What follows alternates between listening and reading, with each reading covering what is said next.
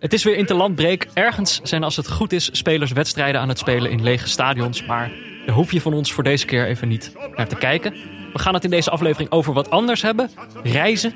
Het kon het afgelopen jaar niet. eh, en of het de komende zomer of herfst of winter alweer zorgeloos kan, is ook nog niet zeker. Maar onze fantasie valt niet te begrenzen.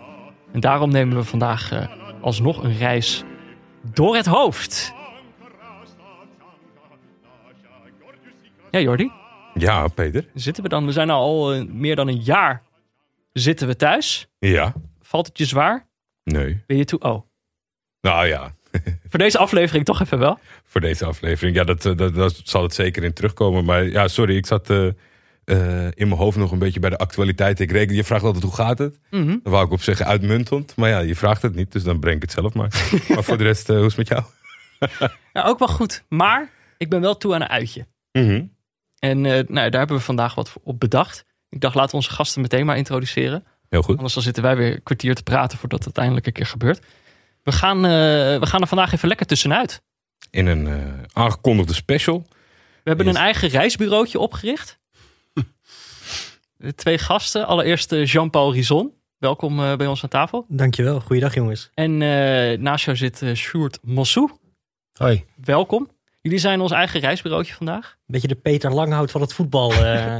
Ik weet het niet. Jullie zijn een beetje de... Ik weet niet. Ik dacht uh, Mossou, Rison en Mossou. Of Mossou en Rison. Dat klinkt wel goed. Ja, toch? Ja. ja, vroeger, eh, vroeger kwamen we nog wel eens ergens. Alleen nu, eh, Ja, ook een jaar thuis. ja, ja, precies. Ook wij krijgen harde klap in onze branche, moet ik zeggen. Ja, want hij heeft een, Jordi heeft er niet zoveel last van. Daar gaat het gewoon uitmuntend mee.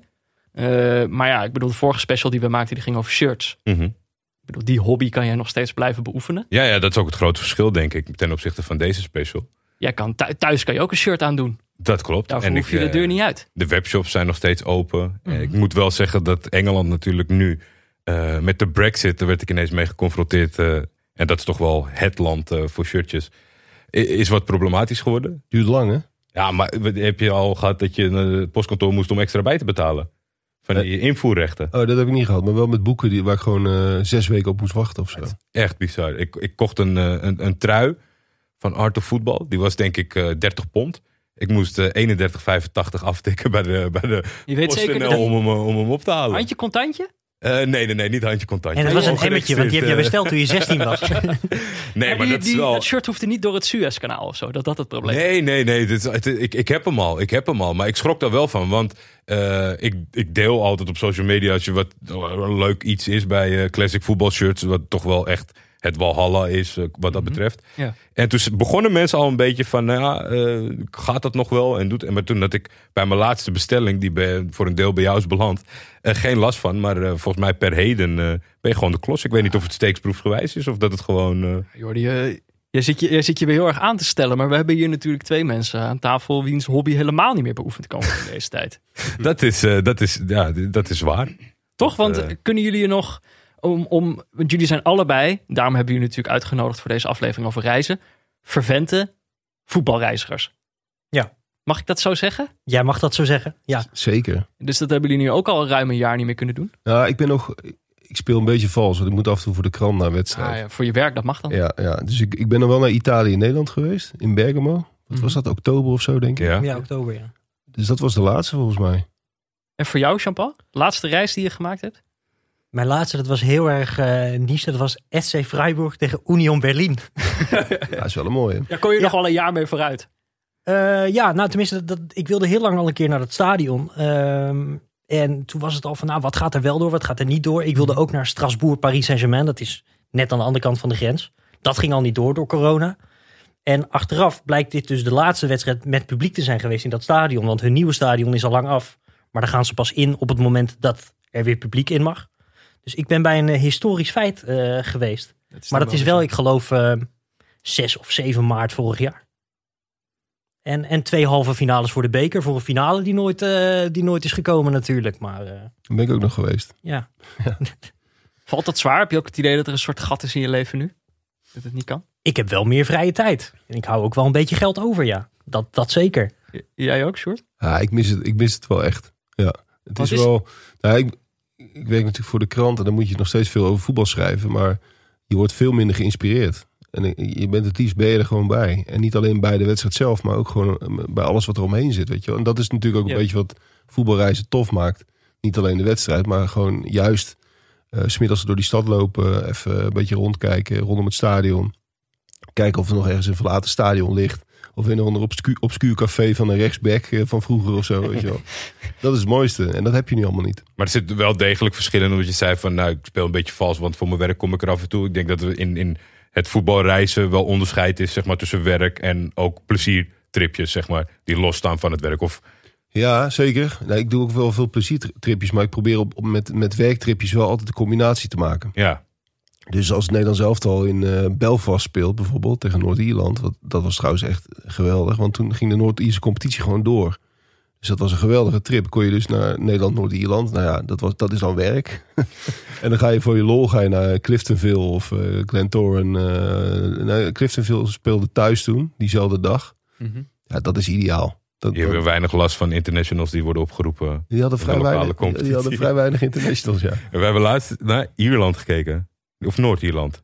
Dan ga ik twijfelen. Dat is gevaarlijk wat je nu zegt, hè? Dungannon Swift? dat is heel Noord-Ierland. gevaarlijk. Noord-Ierland. Noord- Noord-Ierland.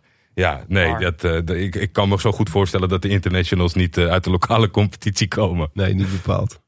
Maar wat was voor jullie dan het moment dat je er, zeg maar, want het is dus onderdeel van jullie identiteit om, om, die, reis, om die plezierreisjes te maken. Maar wat is, het, wat is het moment dat je er zelf achter kwam dat, dat dit je ding was? Of dat je zelf door had, oh, misschien is dit toch mijn hobby. Of was het een, of dacht je eerst, ik wil dat mijn hobby maken en is het toen je hobby geworden? Klinkt wel heel nerdy dit. Het is allemaal niet zo doordacht, ben ik bang. Maar eh, Hoezo klinkt het nerdy?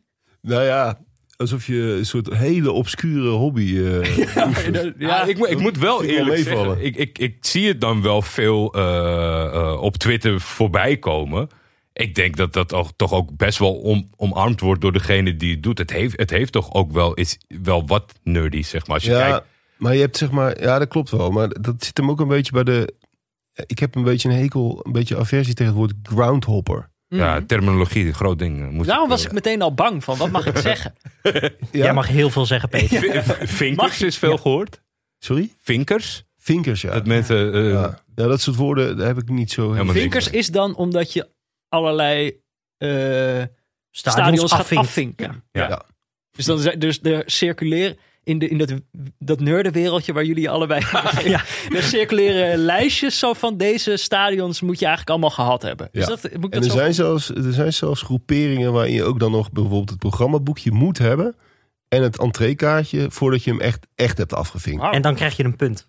Duitsers zijn daar heel streng in. Dus er zijn ook ranglijsten en zo. Eh ja, zeker. Ja, als, je daar, als je daar goed op gaat zoeken, zijn er heus eh, ranglijsten in. Ja. Maar ik proef al meteen dat jij wil geen groundhopper genoemd worden. Vinkers wordt Ah. ook niet meteen eh, omarmd. Dus er zijn nog wel verschillende scholen in deze, in deze ik wereld. hoop niet dat wij een oorlog op social media binnen, binnen de voetbalreizen starten nu. Het regent doodsbedreigingen de komende week.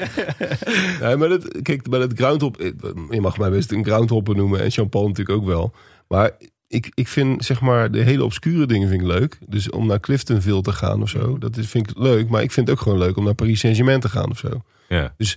En daarom vind ik voetbalreizen zeg maar wat breder dan alleen dat, dat, dat lichtmast eh, knuffelen, zeg maar. Ja. Huilen bij een betonpaal. Ja, want Ja, wat, ja, wat, ja. Die, die groepering die spuugt natuurlijk op Paris Saint-Germain. Dat is niet de bedoeling. Je moet naar de derde divisie in Tsjechië.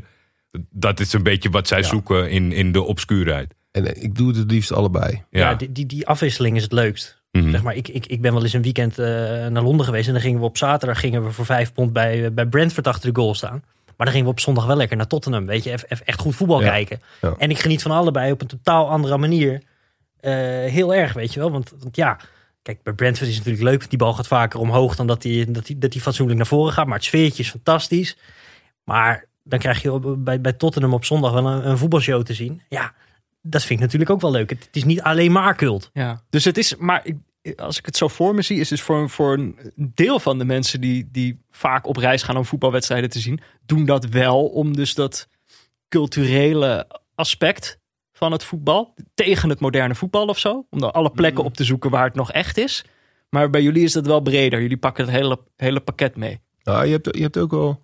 Het is wel inderdaad breder, maar je hebt ook heel veel mensen tegenwoordig die natuurlijk gewoon heel graag naar Barcelona willen met hun zoon of vader of, of moeder of weet ik veel Ja. wat. En voor 1600 euro op de derde ring gaan zitten. Ja, Met maar, een georganiseerde reis. maar dat is ook heel populair geworden om meer als een soort stedentrip. Hè? Dus Ja. dat je echt naar Barcelona gaat en je maakt er een weekendje van, weet je wel. En dan moet je een wedstrijd bezoeken ook. Ja. ja. Maar ik zou een week na Freiburg zou ik ook naar Barcelona-Napoli gaan met mijn vader. Maar dat ging dus niet door, omdat alles eh, ging er net in die week eh, ging eruit. Maar inderdaad, ja, juist die afwisseling tussen enerzijds goed voetbal en anderzijds misschien eh, ja, echt iets heel erg cults. Want ik, bijvoorbeeld, ik ben ook wel eens bij Union geweest, waar jullie het eh, twee weken geleden over hadden. Mhm. Ja, dat is ook fantastisch. Zwansen. In de ja, ja, de Zwansen derby. Heb jij goed gezwanst eh, toen daar? Ik heb daar niet heel veel gezwanst. Dat valt eigenlijk wel mee. Maar, maar wel een geweldig stadionnetje.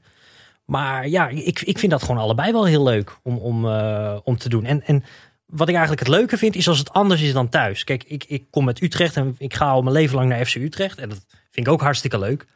Alleen op een gegeven moment, ja, de, de twaalfde of dertiende keer Utrecht-RKC...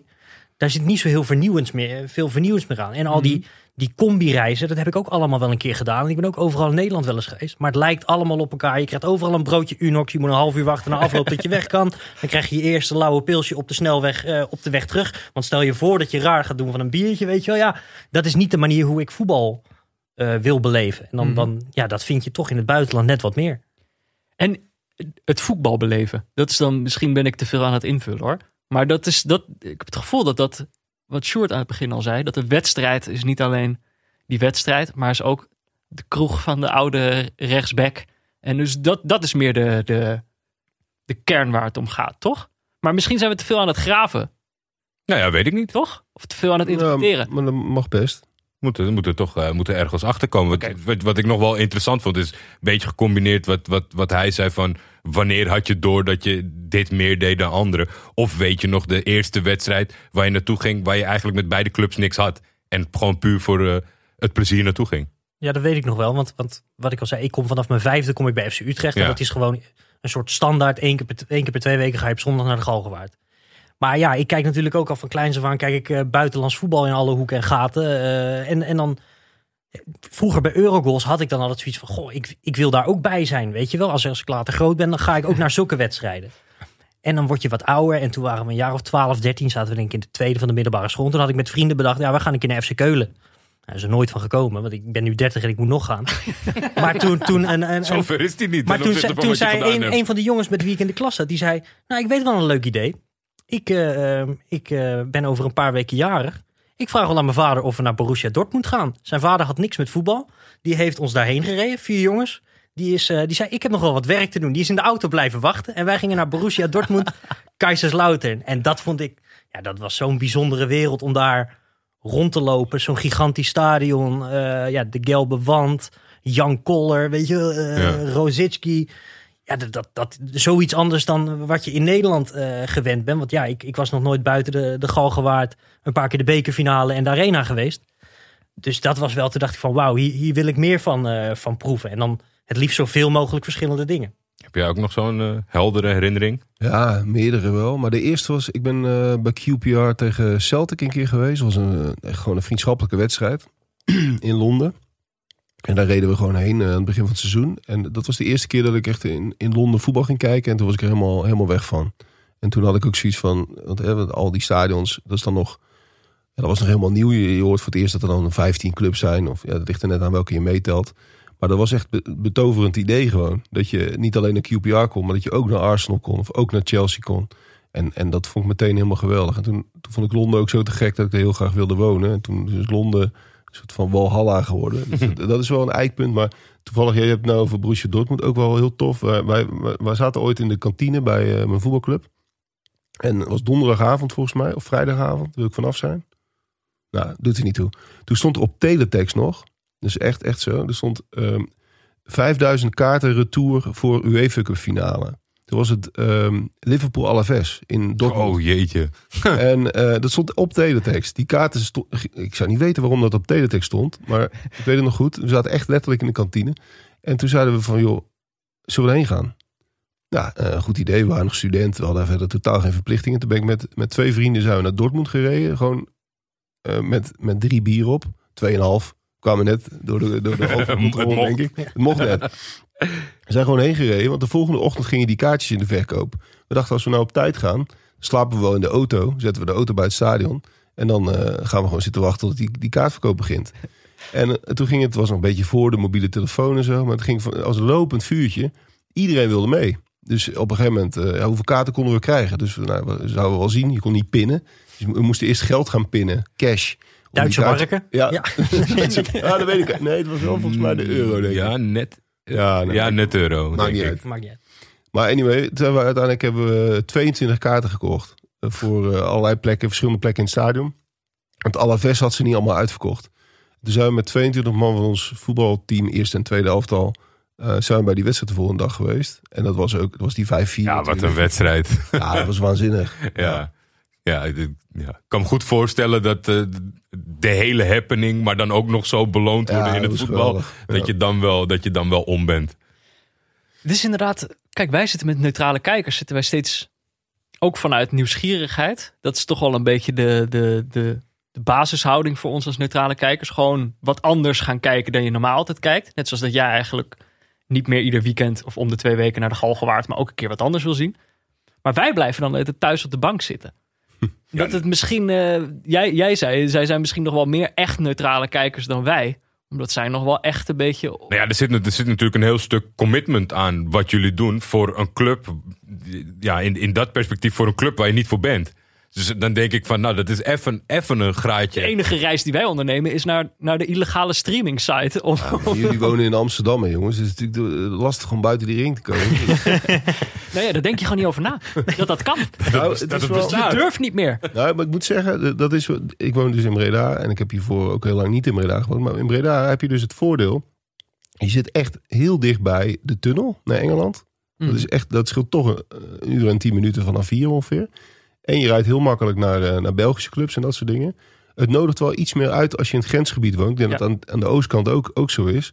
Dat je toch makkelijk even de grens overrijdt. Ja, f- eh, Je staat in een half uurtje bij FC Antwerpen. Ja. In principe. ik, zeker. Een tijdje, eh, ik ben opgegroeid in Eindhoven. En vrienden van daar inderdaad gaan ook makkelijker even naar... eh, volgens mij zijn ze ook bij Borussia Dortmund geweest. Dat is Ja. dan toch een beetje de, Ja, dat is wel de echt... place de- to be, blijkbaar. Nee, maar dat is volgens mij de, Of naar de, Lommel. eerste, de eerste stap. Volgens mij als je, als je wil gaan voetbalreizen, dan beland je al Dan- snel... Dan kom je bij Schalke of Dortmund en dan is Dortmund wel tien keer leuker dan Schalke. Of Veel als leuker, ja. iemand het combineert met een, eh, met een carnavalletje Keulen dan misschien nog. Maar Ja. dat zijn wel echt de drie tourist traps van... eh, zoals, zoals Barcelona dat is voor de vakantieganger in Spanje. Maar, zeg maar ik vind het wel grappig, wat jij, want je hebt het over neutraal kijken. En als ik dan bij zo'n Freiburg Union Berlin zit en dan, laten we zeggen, dan scoort de thuisploeg. Nou, dan sta ik op en dan klap ik beleefd mee. Mhm. En dan denken mensen om mij heen waarschijnlijk van, nou, die gast is ten eerste, hij is alleen, maar hij is in ieder geval voor Freiburg. Maar als dan even later de, de, de linksback van Union Berlin een voorzet erin schiet van 40 meter, dan ben ik ook wel in staat om zo te reageren van, oh, wat, wat, weet je wel. En dan, dan denken ze volgens mij echt van, die gozer is niet goed, weet je wel. Die, die,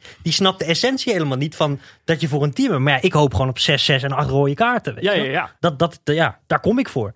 Het is dus niet zo, want dat is natuurlijk een beetje bij ons altijd een terugkerend thema. Is dat je start wel neutraal, maar ik heb echt of, of stiekem op voorhand al, of in ieder geval tijdens de wedstrijd vind ik altijd wel een minuscuul detail waarvoor ik denk, nou ja, als die wint, vind ik toch leuker. Nou, ik, ik zal je een voorbeeld geven. Ik was eh, anderhalf jaar geleden was ik bij de, de mooiste derby van Frankrijk, eh Saint-Étienne-Lyon. En nou, dat, dat, is, dat is verschrikkelijk fanatiek. Maar ik heb Zeker. niet per se een voorkeur voor een van beide. En dan scoort op een gegeven moment eh, scoort Saint-Etienne in de negentigste minuut de 1-0. En het, het hele stadion ontploft. Dan sta ik daar te juichen alsof ik daar geboren ben, getogen ben. Alsof mijn, mijn vader voor de club was. En wat- daar word ik gewoon heel enthousiast van. Maar laten we zeggen, als Memphis daar in de Het negentigste minuut de 0-1 had gemaakt... had ik dat ook schitterend gevonden. Omdat dat stadion dan ontploft. En dat zij hem dan voor de poorten van de hel wegslepen. Weet je wel? Ja, dat is, dat is gewoon mijn, mijn liefde voor het voetbal. En, en dat, dan dit- maakt het dit- me dit- eigenlijk niet dit uit is- hoe episch het is. Veel neutraler wordt het natuurlijk niet, een antwoord. Ik weet niet, Sjoerd, hoe jij erin staat. Ehm, nou, ik had op Je zit al vaak vanuit werk natuurlijk redelijk neutraal te kijken. Ja, nee, ik kijk inderdaad wel net zo neutra- neutraal als Jean-Paul nu, Ja. nu zegt. Ik, ik heb op, toen ik in Londen woonde, woonde ik vlakbij Brentford. Dus, en daar speelde ik met een supporters elftal. Ja, dat heb ik al vaker verteld. Maar eh, met Brentford supporters erin. Ja. Dus die jongens waren allemaal voor Brentford. Dus gingen we op zondagochtend voetballen. En op zaterdagmiddag vaak eh, naar het stadion. Dus dat, met die club had ik op een gegeven moment iets. Dus daar ben ik ook veel geweest. Daar heb ik best wel veel voetbalreizen aan verspild eigenlijk. Omdat Te vaak naar dezelfde geweest. Ja, ik ben wel heel vaak bij Brentford geweest. En, en daardoor ook heel veel weekenden in Londen. Ja, dan, dan kon je kiezen tussen Even kijken waar ik ben nog nooit geweest. Ik ben bijvoorbeeld nog nooit bij Richmond en Hampton Borough geweest. Kennen jullie dat? ben ik ook nog nooit geweest. Ja. Ik bedoel, het klinkt meteen als, eh, als een Engels. Ja, dat is eigenlijk vlakbij eh, Brentford. En dat is, een, eh, dat is echt een hele leuke club. Dus dat is net tussen amateurs en, en profs in. Maar die hebben, die hebben een heel leuk stadionnetje. Maar goed, even als voorbeeld. Daar wilde ik al heel lang naartoe. Maar dan speelde Brentford ook om, op zaterdagmiddag drie uur. En ik denk toch van ja, ik ga toch even naar Brentford. Toch wel weer leuk. Dus Ja. dan ging je daar weer heen. Dus ik heb ook wel veel tijd verspild met eh, Brentford. Maar En dat is de enige club waar ik, Meer. waar, waar ik affiniteit mee heb. In het buitenland dan. Ja. En de Tijd, de tijd rest verspeeld en het niet neutraal zijn. Ja, Toch? ja, Maar daarmee bedoel je, je bedoelt met dat verspillen dat je daardoor minder, minder tijd hebt besteed aan, aan zoveel mogelijk. eh, Nou, ja. Want je hebt, je hebt, in Engeland heb je natuurlijk heel veel van dat soort freaks. En die willen al die stadions zien in Engeland. En mm. dat heb ik niet. Ik heb ook niet de ambitie om die alle 92 te zien of zo. Maar toch is het wel lekker als je kunt, kunt denken van... Nou, Leeds ben ik ook geweest. Eh, Wolves ben ik ook geweest. is toch wel erg. Ja. Misschien, dat is ook weer heel Ja. nerdy. Maar dat is toch wel lekker. En, dan, en dat, dat bedoel ik. Je gaat, je- ik heb kinderen. Mhm. En dat is een heel groot voordeel als je voetbalreiziger bent. Als je geen kinderen hebt. Dus Jean-Paul begint daar vooral niet aan.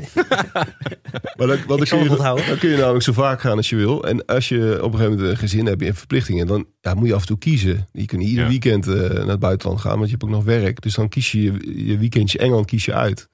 En, en van die weekendjes ben ik gewoon net iets te vaak naar Brentford geweest. Maar Maar aan de andere kant, jouw, jouw zoontje, die is ook wel te porren, toch? Ja, maar die heeft ook wel, die, die heeft wel van een 12 12-jarige. hè. Dus die, die heeft meer met, ehm, zeg maar, ehm, we zijn een weekendje geweest, eh, gingen we naar Chelsea en naar Brentford. En dan vindt hij Brentford best leuk, maar Chelsea vindt hij toch wel toffer. Overigens Ja, vind ik Chelsea ook ook, Chelsea vind ik ook eh, onderschat. Heel tof stadion. Ja, nog wel een, een, een leuker stadion dan, eh, dan wat Tottenham nu heeft bijvoorbeeld, toch? Ik kan me dat wel voorstellen dat Ja. er wat meer... Ja, maar ik vond. Tottenham, ben je daar geweest? Alleen bij het oude, het laatste jaar. Oh ja, ja, dat is ook belangrijker dat je bij het oude bent geweest. Maar dat nieuwe, dat is waanzinnig qua Groot. moderne en groot. Maar dat is wel heel goed gedaan. Dus van die, je hebt van die nieuwe Emirates heb ik eigenlijk niks mee. Maar dat nieuwe Tottenham, de akoestiek klopt van A tot Z. Eh, ik ben bij die wedstrijd tegen Ajax geweest. eh, die eerste. Mhm. Ja, Die tweede trouwens ook, maar daar zullen we het zo niet over hebben. maar, die, die, nou, maar ik vond het echt qua sfeer echt super. Het ligt nog steeds op een toffe plek. Dat vind ik ook belangrijk altijd, dat het op een goede Ja. plek ligt. Het ligt nog steeds mooi in die wijk. Vlakbij het eh, oude, eigenlijk tegen het oude aan. Dus nou, ik, ik vond dat voor een nieuw stadion wel, eh, wel een leuke. Oké. Nou, kijk, het is vandaag natuurlijk de bedoeling. Jordi en ik moeten een beetje achterhalen van wat nou de, de basics of de bouwstenen zijn van een geslaagde voetbalreis. Jullie hebben al heel wat dingen laten vallen. Maar dat kunnen we denk ik het beste doen. Kijk, ik wil gewoon weten van eh, naar welke club moeten we dan. Maar dus dat gaan we het straks over hebben. Meer specifiek moeten jullie dan maar vertellen waar jullie ons eh, naartoe willen sturen. Waar we naartoe moeten. Maar we moeten eerst even naar een woordje van onze sponsor.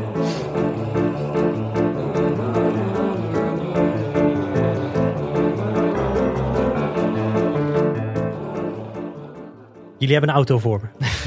Jullie weten dat ik geen rijbewijs Nee. heb. Eh, Nou ja, ook, ook deze aflevering van Neutrale Kijkers wordt natuurlijk mede mogelijk gemaakt door Auto.nl. Het is eh, voor de nieuwe luisteraars een webshop waar je auto's kan bestellen. Ehm, een soort online showroom eigenlijk. Eh, maar ja, kijk, dit is natuurlijk als we het over reizen hebben. Het, eh, je, moet, je moet toch op een manier ergens komen. Vaak is dat met de auto.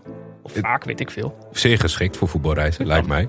Lijkt mij ook. Ehm, en ik heb een paar auto's uitgekozen van voetballers. Ehm, en dan mogen jullie, eh, een van die auto's, mo- moeten jullie even zeggen met welke je dan het liefste op reis zou willen gaan. Met de auto, denk ik dan, maar misschien dat de voetballers ook nog van belang zijn. Ehm, Ik ben benieuwd. Volgens mij had je dit met die shirt special ook... eh, ja, je hebt al een keer ook mijn foto's laten toen legde, ik, toen legde ik het aan jou voor. Maar ik ga jullie dus, jullie krijgen eh, wat, wat auto's te zien. En misschien is het goed dat jullie dan voor de luisteraars omschrijven. Wie zien, ja, dat gaat helaas niet lukken. Er hangen hier tussen schermen. Prachtige schermen, dus nu moet jij je laptop om gaan draaien. Ja, bij dag en nacht hebben ze inmiddels prachtige tv's in de studio hangen. Maar hoe ik, hoe ik die moet gebruiken, We hebben hier tulpen van 3 bij 3, maar dat eh, inderdaad. We hebben mooie screensavers, maar jullie zullen het nu moeten doen met mijn scherm. Wat zien jullie? een witte Range Rover met, een, met, met zo'n bodykit en zo'n hele zware bumper eh, eronder. Mhm. Van wie is? Echte Bakary voetbal- Sagna Ja, staat erbij. Ja. Echte voetballersauto. Ja. Ik vind het wel een mooi tijdsbeeld. Deze ook door die wijde spijkerbroeken die ze aan hebben. Het lijkt mij, maar dat is, ik, ik ben niet de specialist, maar het lijkt mij onhandig met bumpers. Of eh, met bumpers, met eh, hobbels.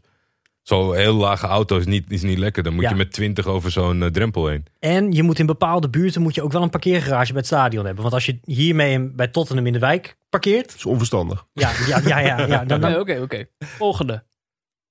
De ouderwetse Lancia van Ruud Gullit. Kijk, zo, jij weet ook zelfs welke auto het is. Ja, Ik had hier nog heel takvol met zijn been voor het merkje staan. Om, dat we het later in quizjes kunnen gebruiken. hij had hem een keer door de wasstraat mogen halen, kunnen we wel zeggen, denk ik. Ja, is die foto stoffig of de auto? Dat weet ik niet. Ik denk de auto ook, ja. Het nummerbord is nauwelijks leesbaar. En Lancia had in de jaren tachtig wel een goed imago. Dat was toch wel een beetje chic, Lancia. Zou je nu niet zeggen als je die foto ziet. Maar Nee. Dit was inderdaad de auto die Ruud Gullit kreeg toen hij bij AC Milan eh, ging voetballen. Maar is Tof. dit, zou je hiermee op reis kunnen? Dit bleef over na het contract. Deze hoeft niet in de parkeergarage. hè? nee. Nee, dit is eh, ja, optisch goed. Ja, er, zijn, er zijn een aantal belangrijke voorwaarden aan een auto om mee op, op, op, op reis te gaan. Dat is in ieder geval de beenruimte. Eh, ik ben niet overdreven lang, maar ik, ik heb vrienden die zitten anders echt met hun knieën tegen hun oren aan, weet je wel. Je moet sowieso in het midden, moet je wel iets van bier neer kunnen leggen of wat te eten. En je moet lekker naar buiten kunnen kijken, want het is toch een roadtrip. En, en, en ja, ik Dus ben- toch even door de wasstraat. Dat, ja, op zich, het zou wel lekker zijn als je wat kan zien, ja. En ik zou met deze niet te ver gaan. Ik Nee. zou eh, KV Mechelen, dat is het maximum. Niet naar Milaan ga je niet doen met deze auto. Nee. Oh, deze moet ik even inzoomen. Deze is is, een dit is Fiat Panda. actuele. Of niet? Dit is Ja. een actuele. Ja, ik weet niet precies welk merk het is, maar dit is actueel. Oh, dit is de auto van Dit de is, die, buren. is dat die van Carrasco, die naar de Ja, training ja, ja, gingen in ja. Madrid? Ja. Dit is de auto van de buren van Atletico Madrid voetballer Carrasco. Die wel eh, sneeuwketting hadden. Ja, die, di- dit was Zijn, toen zo zijn, zijn supersnelle bolide die wilde niet. En toen mocht hij de panda van zijn buren meenemen naar de Maar training. volgens mij is het, het eh, Carrasco, Llorente, Lamar en nog een eh Atletico. Dus die zijn wel met z'n vieren. Ik vond dit wel iets gezelligs. Deze zijn wel op, op een soort voetbalreis geweest. Ja, het Ze moesten zelf spelen, maar het was wel een eh, voetbalreis. Champagne's lijstje gaat niet op bij deze beenruimte eh, tussen console en... eh, Nee, nee. ik, ik heb wel eens met Royce en Drenthe in een Renault Clio gezeten. Heel, in een hele kleine... Ja, serieus? In eh, Alicante. Toen hij daar speelde. bij Hercules. Ja, Ja. want hij, wilde toen, hij had toen eerst een grote auto, maar toen werd hij steeds aangehouden. En toen zei Royce, ja, daar heb ik geen zin meer in. Dan koop ik, koop ik een hele kleine. Toen heeft hij een Oh, een Renault Clio gekocht. Dat is ook goed om te weten. Ook goed om rekening mee te houden. Weer een oude? Is dit de welbekende snoek Ja, volgens mij. Nou, ik weet niet. Het is sowieso een Citroën. Of dit een snoek is, dat weet ik. Ja, dat is een snoek. van eh, Johan Cruijff? Van die garage naast het Olympisch Stadion. Die Oh ja, die. Citroën dealer, ja. Ja. Klopt. Jullie, weten, jullie weten meer. Ik, ik, al die informatie opzoeken had helemaal niet gehoeven. Jullie weten- Deze hadden mijn, zo'n soort auto hadden mijn ouders vroeger. Maar ik weet Vind ik niet. wel, eh, vind ik ik kan wel me niet echt een, eh, een, een toffe wagen. Dat, dat is toch ook het Olympisch Stadion op de achtergrond, of niet? Dat denk ik wel, ja. Denk ik. dat zal dan wel, ja. Kunnen. Even een fotootje van Johan voor de sponsor, denk ik. ja. Ik vind het zo grappig dat soms wordt gedaan alsof. eh, daarom heb ik deze foto's er ook uitgehaald. Dat de moderne voetballer zich zo zou laten afleiden door rijkdom en dure grote auto's en zo. Terwijl ik bedoel, dit, is- dan heb je ook Ja, maar in die tijd was die rijkdom natuurlijk een stuk minder. Die gasten woonden ook allemaal gewoon in een soort rijtjeshuis natuurlijk nog. Dus Ja, maar als ik dan naar deze foto's kijk, denk ik, hoe, hoe anders is dit nou eigenlijk dan... Ik bedoel, Benzema ook heeft dan misschien wel een auto met matte lak... die misschien wel een stuk duurder is dan deze snoek. Maar en dan een denk ik, dit is eigenlijk Oscar-waardige dezelfde- film omheen. het is eigenlijk dezelfde foto. Maar uit, die- ja, maar uit die tijd heb je heel veel van dit soort foto's. Ook van George Best en Gunther Netzer en zo. En, en vaak was het toch... eh, Een dat, deal. was, dat, ja, dat was een deal. Ja. En voor voetballers was dat echt nog iets... Wow, ze krijgen een auto, weet je wel. Mhm. Het publiek vond het ook echt een- heel bijzonder. Ik, ik denk ook dat het minder mooi is dan jij misschien verwacht. Het feit dat hij een normale auto... maar dat het uiteindelijk toch juist wel dat geld de strekking was... dat deze foto bestaat. Oh nee, dat denk ik ook. Ik denk niet inderdaad dat hij zelf stoer op de foto ging. Citroën-liefhebber Johan Maar- Cruijff. Dus in die zin inderdaad, de achtergrond van zo'n foto is anders. En Ik denk, dit is, dit is de laatste. De Ford K van Rooney op Goodison Park. Die had ik de vorige keer ook voor jou. Ja. Maar dit blijft gewoon zo'n mooie classic foto, Ja, vind de, ik. de nummerplaat maakt het af voor mij. Met Rooney, met N-I op het eind. Dit is eh, ergens eh, aan het begin van een hele lange carrière. Hij zit nog steeds bij Derby County, toch? Hij heeft eh Philip Ja. Cocu opgevolgd. Ja. ja. Zou je hiermee op reis gaan met deze, met deze Ford K? Jawel, ik kun je wel mee op reis. Niet, prima. niet te ver ook. Ook KV Mechelen. Ja, KV Mechelen moet kunnen, ja. Mm, ja, Ik, ja, ik, ben wel eens met een, ik ben wel eens met een Kia Picanto naar KV Mechelen geweest. Dat is ook En- niet ruim. Nee, nee. Maar dat, dat, dat, toen was ik zelf ook nog wat minder ruim. Dus dat, dat, dat ging op zich prima. En als je moet kiezen van deze vijf, hebben jullie, eh, welke, welke kies je om op reis te gaan? Ja, de snoek, man. De snoek van Johan Ja. Cruijff. Die is het tofste, ja. Ja. Oké. Ik weet niet of ze snoek hebben bij Met, Audi. meer, ook eh, met die, met die achterkant die omhoog kan en weer naar beneden, weet je wel. Dat is wel, vind ik wel iets heel tofs. Oké, geen snoek. Eh, ik weet ook niet of die, die Range Rover van Sayada ertussen staat. Maar heel veel andere goede auto's om op reis te gaan. eh, die vind je op auto.nl. En dat is, even kijken, die website. Jordi, heb jij die paraat? www.auto.nl Oh ja, ja. Vergeet die steeds.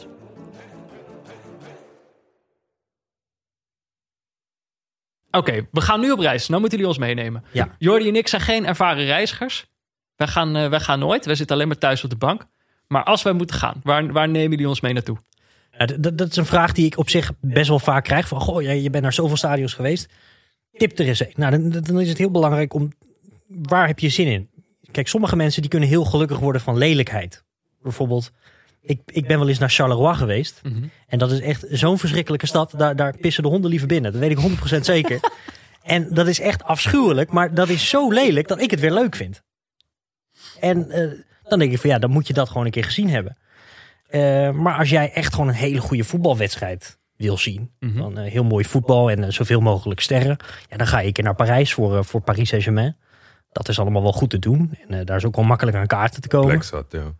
En ja, op zich is er in Parijs nog wel meer te doen. Ja, nu dan even niet. Maar eh, het is natuurlijk ook best wel een leuke stad om even naartoe te gaan.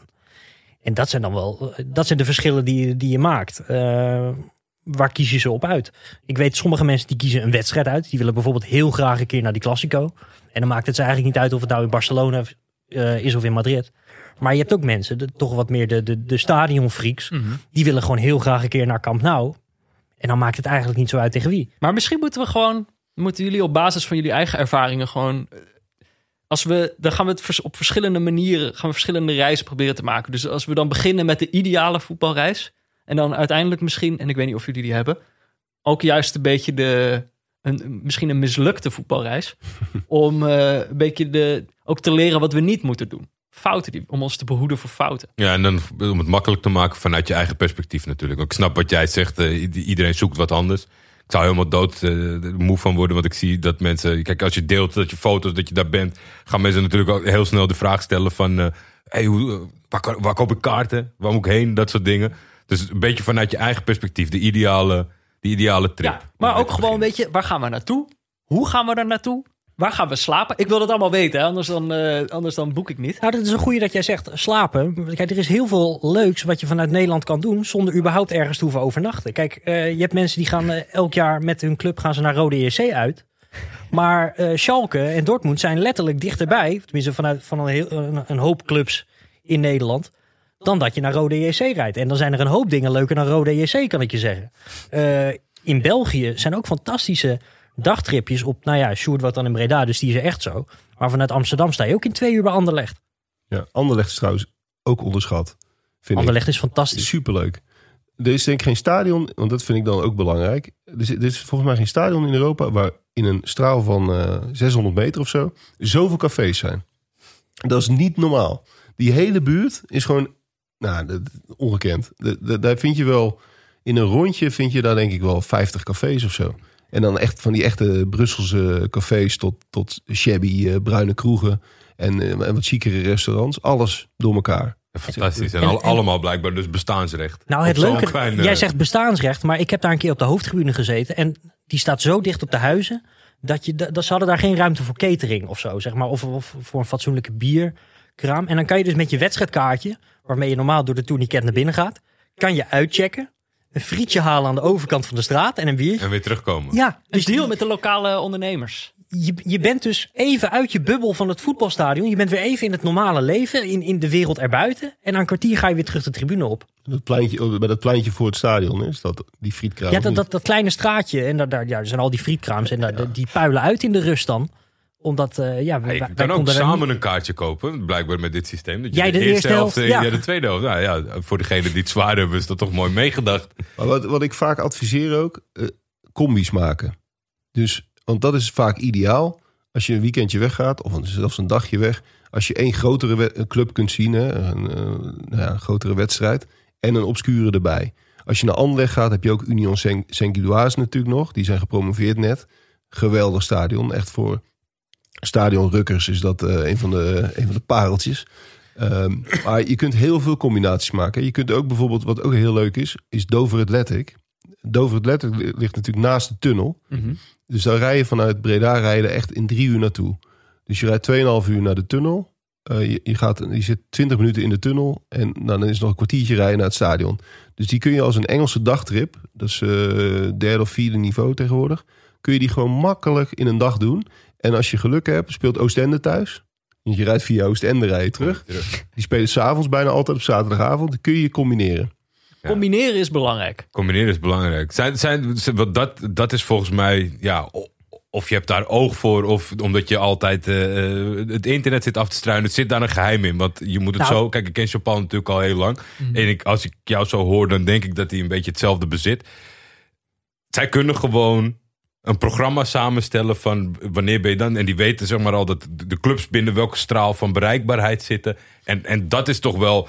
Ja, Ja, maar dat is waarom ik- zij een reisbureau zijn en wij niet. ik ga drie weken naar Portugal en ik rij elke keer langs, het, zeg maar verkeerd. Dat die, of ze spelen uit, of ze hebben gisteren gespeeld.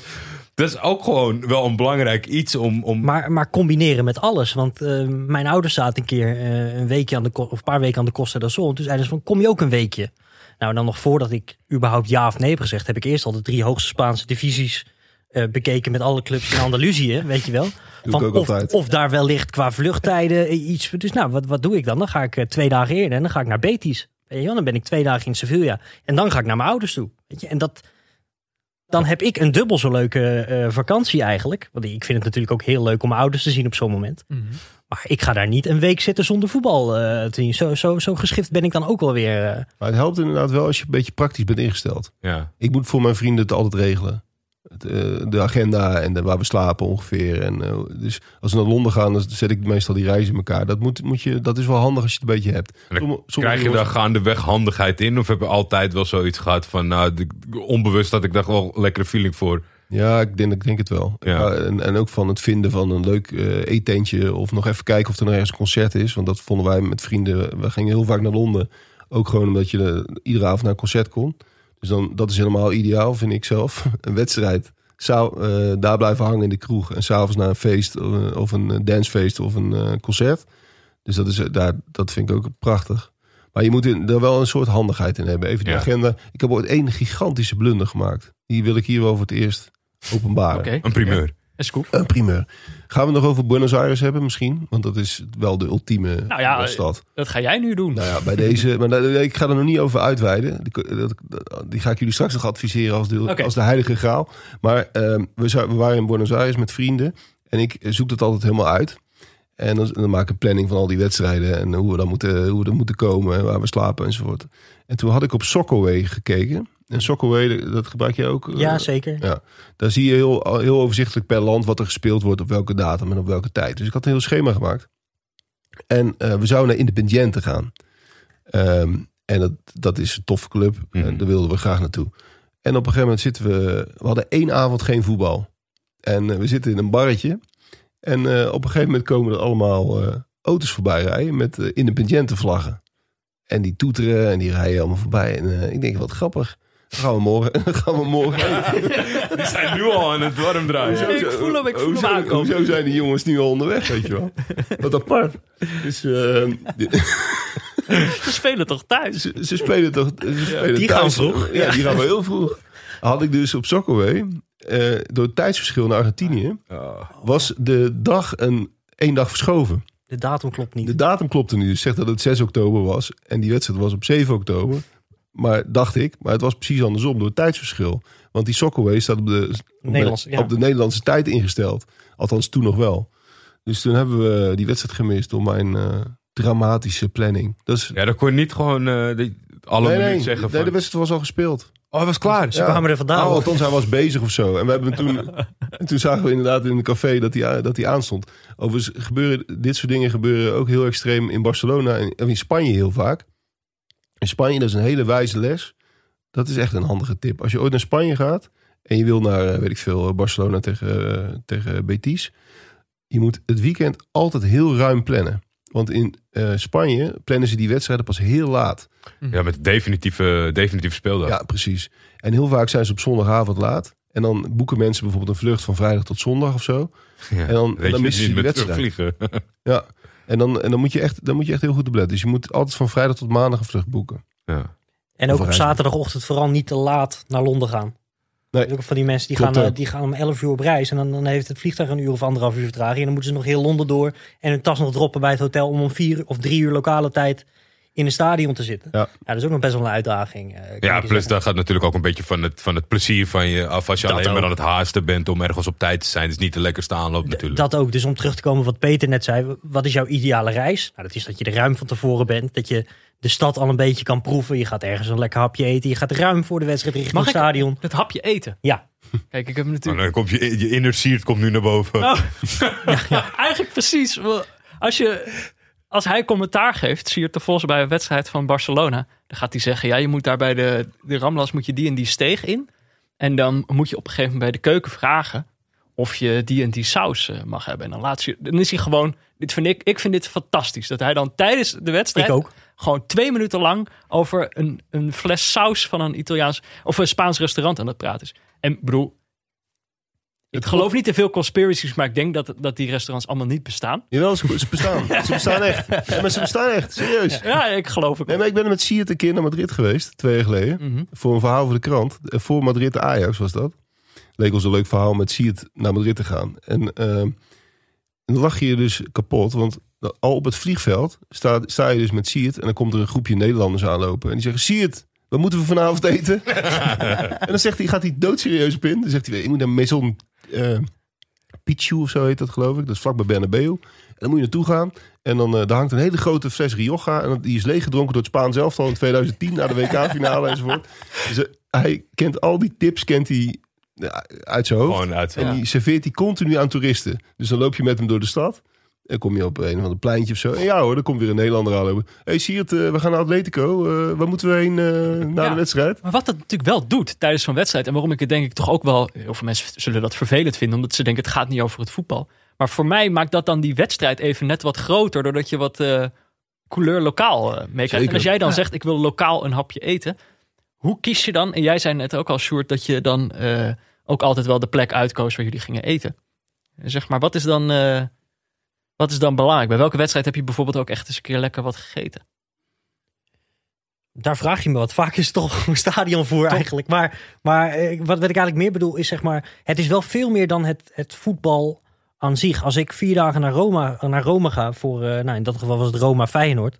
Ook nog wel een leuk verhaal natuurlijk. Maar eh, Toen je in die eh, fontein stond. toen Dat ik in die fontein stond... Ja, ik heb daar nog een stukje van thuis. Dat, dat, en, en, Dat is ook een van de tips. Dat moet je niet doen. Nee, nee, nee, nee, nee. Dat, dat, dat- daar wordt niet heel leuk op gereageerd, inderdaad. Maar het, het, is, het is wel ook. Voetbal is ook een heel mooi excuus om op heel veel mooie plekken eh, ter wereld te komen. Of, of in ieder geval in Europa, in, in mijn geval dan. Ja, dat En- vind ik ook de reis als excuus. Of de voetbalwedstrijd als excuus. Ja, Een beetje wel, ja, maken. zeker. Ja. Zeker. Kijk, ik, ik ben wel eens eh, naar Bordeaux gegaan. Ik, ik, ik heb ook een voorliefde voor Paris Saint-Germain. Mhm. En die, die versloegen toen op woensdagavond Chelsea in de Champions League. Met een, met een goal in de verlenging van Thiago Silva. Toen heb ik gelijk een reis geboekt voor die zondag naar eh, Bordeaux. Bordeaux, Paris Saint-Germain. Een kaartje in het uitvak. En dan ging ik op maandagochtend gelijk weer door naar school. Kijk, dat is op zich. Het was een, het was een hele leuke reis. Want het was ook een leuke wedstrijd. En leuk om daar geweest te zijn. Maar je hebt eigenlijk net te weinig meegemaakt. Van, van, van de stad, van het leven daar. Het was eigenlijk van vliegveld naar hotel. Nou, even douchen naar het stadion, wedstrijd kijken. Pitten, want je moet morgenochtend weer om, om vijf uur op om het vliegtuig te halen. En weer naar school. Dat is, dat is best een leuk verhaal natuurlijk. Mhm. Maar je hebt wel net te weinig meegekregen van, van het hele sfeertje eromheen eh, eigenlijk. Maar dat, ik denk dat dat hetgeen is wat jou net dan even in een andere. weer binnen de categorie en een subcategorie duwt. Dat je, dat je dat kan ondernemen. Echt wel vol puur het voetbal. Ik denk als ik jouw verhaal tot op nu. dat, dat is, vind ik meer vergelijkbaar. Nou, doen wij het niet per se om het voetbal heen. Maar als ik met vrienden op reis ga. ruim de tijd. goed eten. eh, weet je, eh, veel van de stad zien en dat soort dingen. Dus je hebt ze allebei. Maar ik, daarom vond ik ook, denk ik, wel een beetje het contrast in, in het reisbureau. Zodat we alle lagen hebben. Kijk, jij stapt ook gewoon op een middag op een trein. En gaat naar een. Je hebt alle amateurvelden in Nederland Ja, gezien, ja, ja, volgens ja, mij. ja, dat, dat, dat, is- Dat- dat is een hele andere afwijking weer. Dat, dat, is, dat is op een gegeven moment zo ontstaan. En als je dan heel eind bent, ja, dan moet je ze ook allemaal doen ook, weet je wel. maar de Nederlandse amateurwereld is ook helemaal niet zo interessant is. Dat is misschien toch wel een soort vorm van autisme dat ik die allemaal bezocht Dat is heb. wel heel nerdy, ja. Ja, dat is echt heel nerdy. dit, dit, dit is niet iets wat je op een eerste date vertelt trouwens. Hoor. Maar eh, daar komen ze altijd gaandeweg toch wel eh, even pas de- achter. De lokale koek altijd nog even eh, te pakken krijgen. Ja, Ja, maar dat je natuurlijk ook gewoon kantinevoedsel. Ja, die is vaak hetzelfde, ja. Maar Met Peter, jij, stel, jij, vroeg het net en ik durfde hier bijna niet te zeggen, want ik zie hier een Galatasaray trainingspak. maar echt even uitdoen. een van de meest geweldige combis eh, voetbal Ja. en eh, eten. En eh, lekker in de buurt een beetje genieten van, eh, van het uitzicht en de buurt is toch Fenerbahce. Ja, dat is echt zo. Dat is echt fantastisch. Als je Wat heb daar, je daar gegeten? ja, daar kun je gewoon Tegen fantastisch doelpunten. Sorry, dan moet ik Maar dan kun je gewoon fantastisch aan het water. Heb je allemaal visrestaurantjes in die buurt. Heb je nog het, trainingscomplex van uh, waar ook de jeugd vaak speelt. Kun je gewoon, moet je een beetje brutaal zijn, je moet officieel gewoon ook lid zijn. Kun je gewoon oplopen. Zie je daar die jeugdvoetballen en zo. Is een prachtig complex. Loop je daarna langs, ja, langs het water. Je kunt oneindig langs het water lopen daar. En dan zitten allemaal visrestaurantjes en zo. En als je wat dichter bij het stadion komt, zijn er meer voetbalcafés. Staan heel die straten vol met, eh, met supporters. Maar iets verder ervan af heb je, heb je prachtige eh, eetentjes. Nou, dan zit je voor de wedstrijd, een paar uur voor de wedstrijd. En moet je wel reserveren, want die zijn allemaal gereserveerd voor de wedstrijd. Moet je even bellen en eh, dat kan op zich wel. En dan zit je heerlijk een eh, vers visje. Het is niet de Bosporus geloof ik, hè? het is een zijtak geloof ik. Zij aftakking, ja. Maar eh, dan zit je vers vis te eten en dan ga je daarna begeef je je tussen de supporters. Ik moet hiervan op, opbiechten van... Ja, kijk, ik ben, ik ben natuurlijk niet achterlijk. En ik heb wel beelden gezien. Maar ik denk dat ik in mijn leven zo'n 7, 8 keer in Istanbul ben geweest. Eh, buiten het vliegveld ben ik nooit op de, aan de Aziatische kant geweest. En dat is, ja, weet je, dat is... Al jongere leeftijd misschien een beetje overdreven fanatisme of zo. Maar ik moet ook wel heel erg zeggen dat...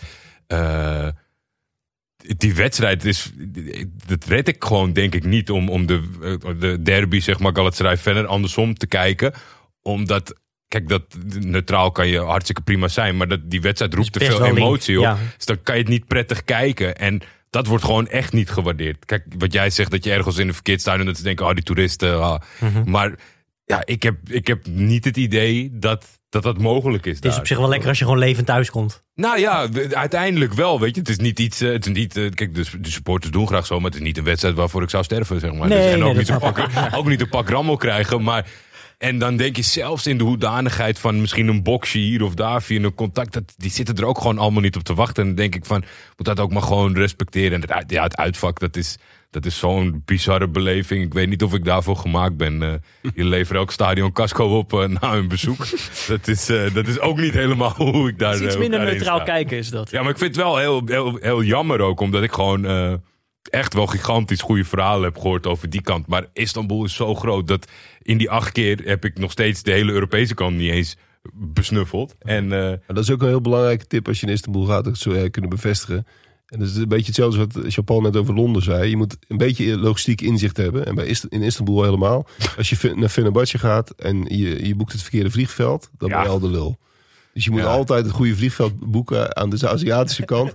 Anders sta je gewoon uren en uren en uren in de file. Ik ben wel eens voor een interview met Van Persie, ben ik wel eens nou, echt uren te laat gekomen. We hebben dat interview echt in de nacht gedaan. Om eh één of twee uur s'nachts of zo. Omdat je gewoon helemaal vast stond. Ja. Dat was toen nog naïviteit. Als je dat... eh, Het is ook een, Persie waarschijnlijk al de tiende keer. Die is weer zo'n Nederlandse Ja. journalist. ja, maar zie je zo, zie je weer één. to-do-list van iemand die een stedentrip gaat maken in Istanbul. Ik zeg ook altijd, weet je, als het tegenvalt, dan mag je boos zijn op mij. Maar kies nou, kies één kant Ja. waar je naartoe gaat voor die tijd.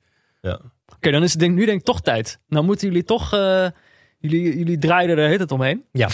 Waar gaan we naartoe? Maar even, Wat, welke reis hebben jullie in de om het nog heel even spannend te maken. topreis in de aanbieding? Oh, Het, is, het is natuurlijk wel belangrijk met wie je gaat. ja, en precies. Ik wil Jean je Paul zeggen dat hij alleen gaat. Ja, niet altijd. Maar ik ben wel iemand dat als er niemand mee wil, dan ga ik alleen. Daar heb ik totaal geen moeite Ja, mee. maar daar heb ik heel veel bewondering voor. Ik heb ook als ik dat zie via, via Instagram, dat jij dan in je eentje zo'n tripje maakt. Lekker in de trein. Soms met het vliegtuig in het hotel. Heerlijk man, snap ik Ja wel. man, Ja. Ik- Ja? dat, eh, fantastisch. En, en kijk, je moet Omdat je wel iets te doen hebt ook. Nou ja, dat is het. Kijk, als er niemand meegaat, dan kan je je daardoor laten ontmoedigen. Maar ik zit nog altijd liever in mijn eentje bij, eh bij Eintracht Frankfurt dan in mijn eentje thuis. Snap je?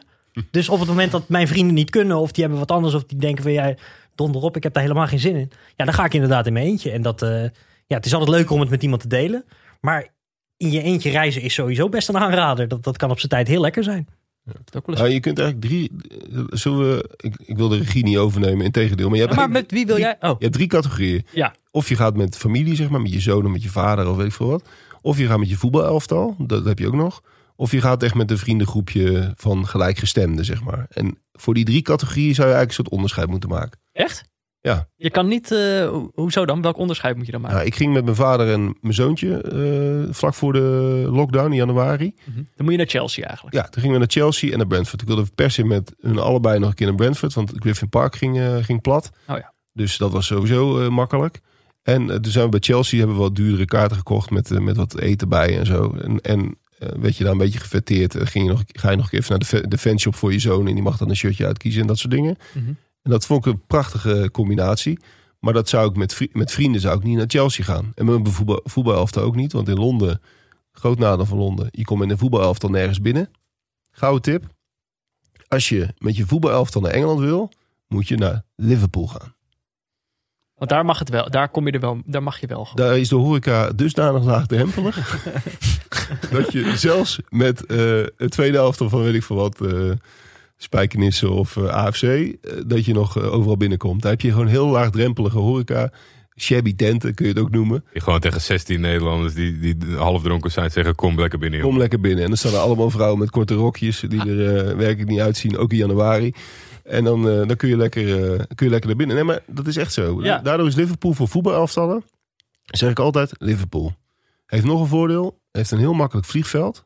Een soort bushalte, waar je gewoon uitstapt. Je bent echt binnen no time in het centrum van Liverpool. Mhm. Als je op Manchester bijvoorbeeld vliegt, Manchester is echt het ergste vliegveld van Europa. Het is echt één groot doolhof, chaos. Doe je heel lang over voordat je in Manchester bent enzovoort. Liverpool is gewoon vliegen, uitstappen. Je bent in de stad. De stad is ook heel compact. Je kunt alles lopen in Liverpool. Dat, is helemaal niet, dat klinkt groot, maar het is volgens mij niet groter dan Utrecht. Nee, nee, die stadions liggen natuurlijk nog eens hartstikke dicht bij elkaar. Dus als je naar een van de beide gaat, moet je eigenlijk een taxi nemen naar de andere. Daar Ja. een rondje gaan lopen. Ik, ik ging naar... Ik, Het, ik moet wel Ja. zeggen, het, het klinkt verschrik- verschrikkelijk om echt inwoner van Liverpool zelf te zijn. dat, Ja, het is- zit allemaal het- voorbij het- komen. het is Ja, niet zo'n- blijkbaar- het is niet zo'n Met hele mooie stad, nee. Maar ja, blijkbaar zijn ze er zelf onderdeel van. Anders dan eh, gaat het niet zo goed samen. Nee, maar het is niet zo'n mooie stad, maar het is wel opgeknapt. De laatste jaren. ja, ik ben er maar één keer geweest en ik vond het zelfs toen niks. Maar misschien dat was het dus vroeger nog erger. Ja, het was vroeger veel erger nog. En, en wat ook leuk is, je hebt er heel veel muziek. Dus je, en je hebt echt zo'n uitgaanswijk eh, rondom, hoe heet die straat? Matthew Street. Matthew Street, bij de, waar de Beatles vroeger eh, speelden. Mhm. Daar heb je volop cafés, live muziek, eh, allerlei soorten horeca. Dus, dus het is, voor voetbalteams eh, zou ik die aanbevelen. Dus die moeten allemaal naar Liverpool. En met de liefhebbers. Ja, Oh, dat heel zijn je gelijkgestemden. Nou, Ja, ja. Wat, wat, wat voor mij vaak, of nou, leidend wil ik niet zeggen, maar ehm, we zitten nu eenmaal in een tijd waarin heel veel stadions verdwijnen. En ik heb bijvoorbeeld altijd een fascinatie gehad voor het WK van 98, want dat is mijn eerste grote toernooi.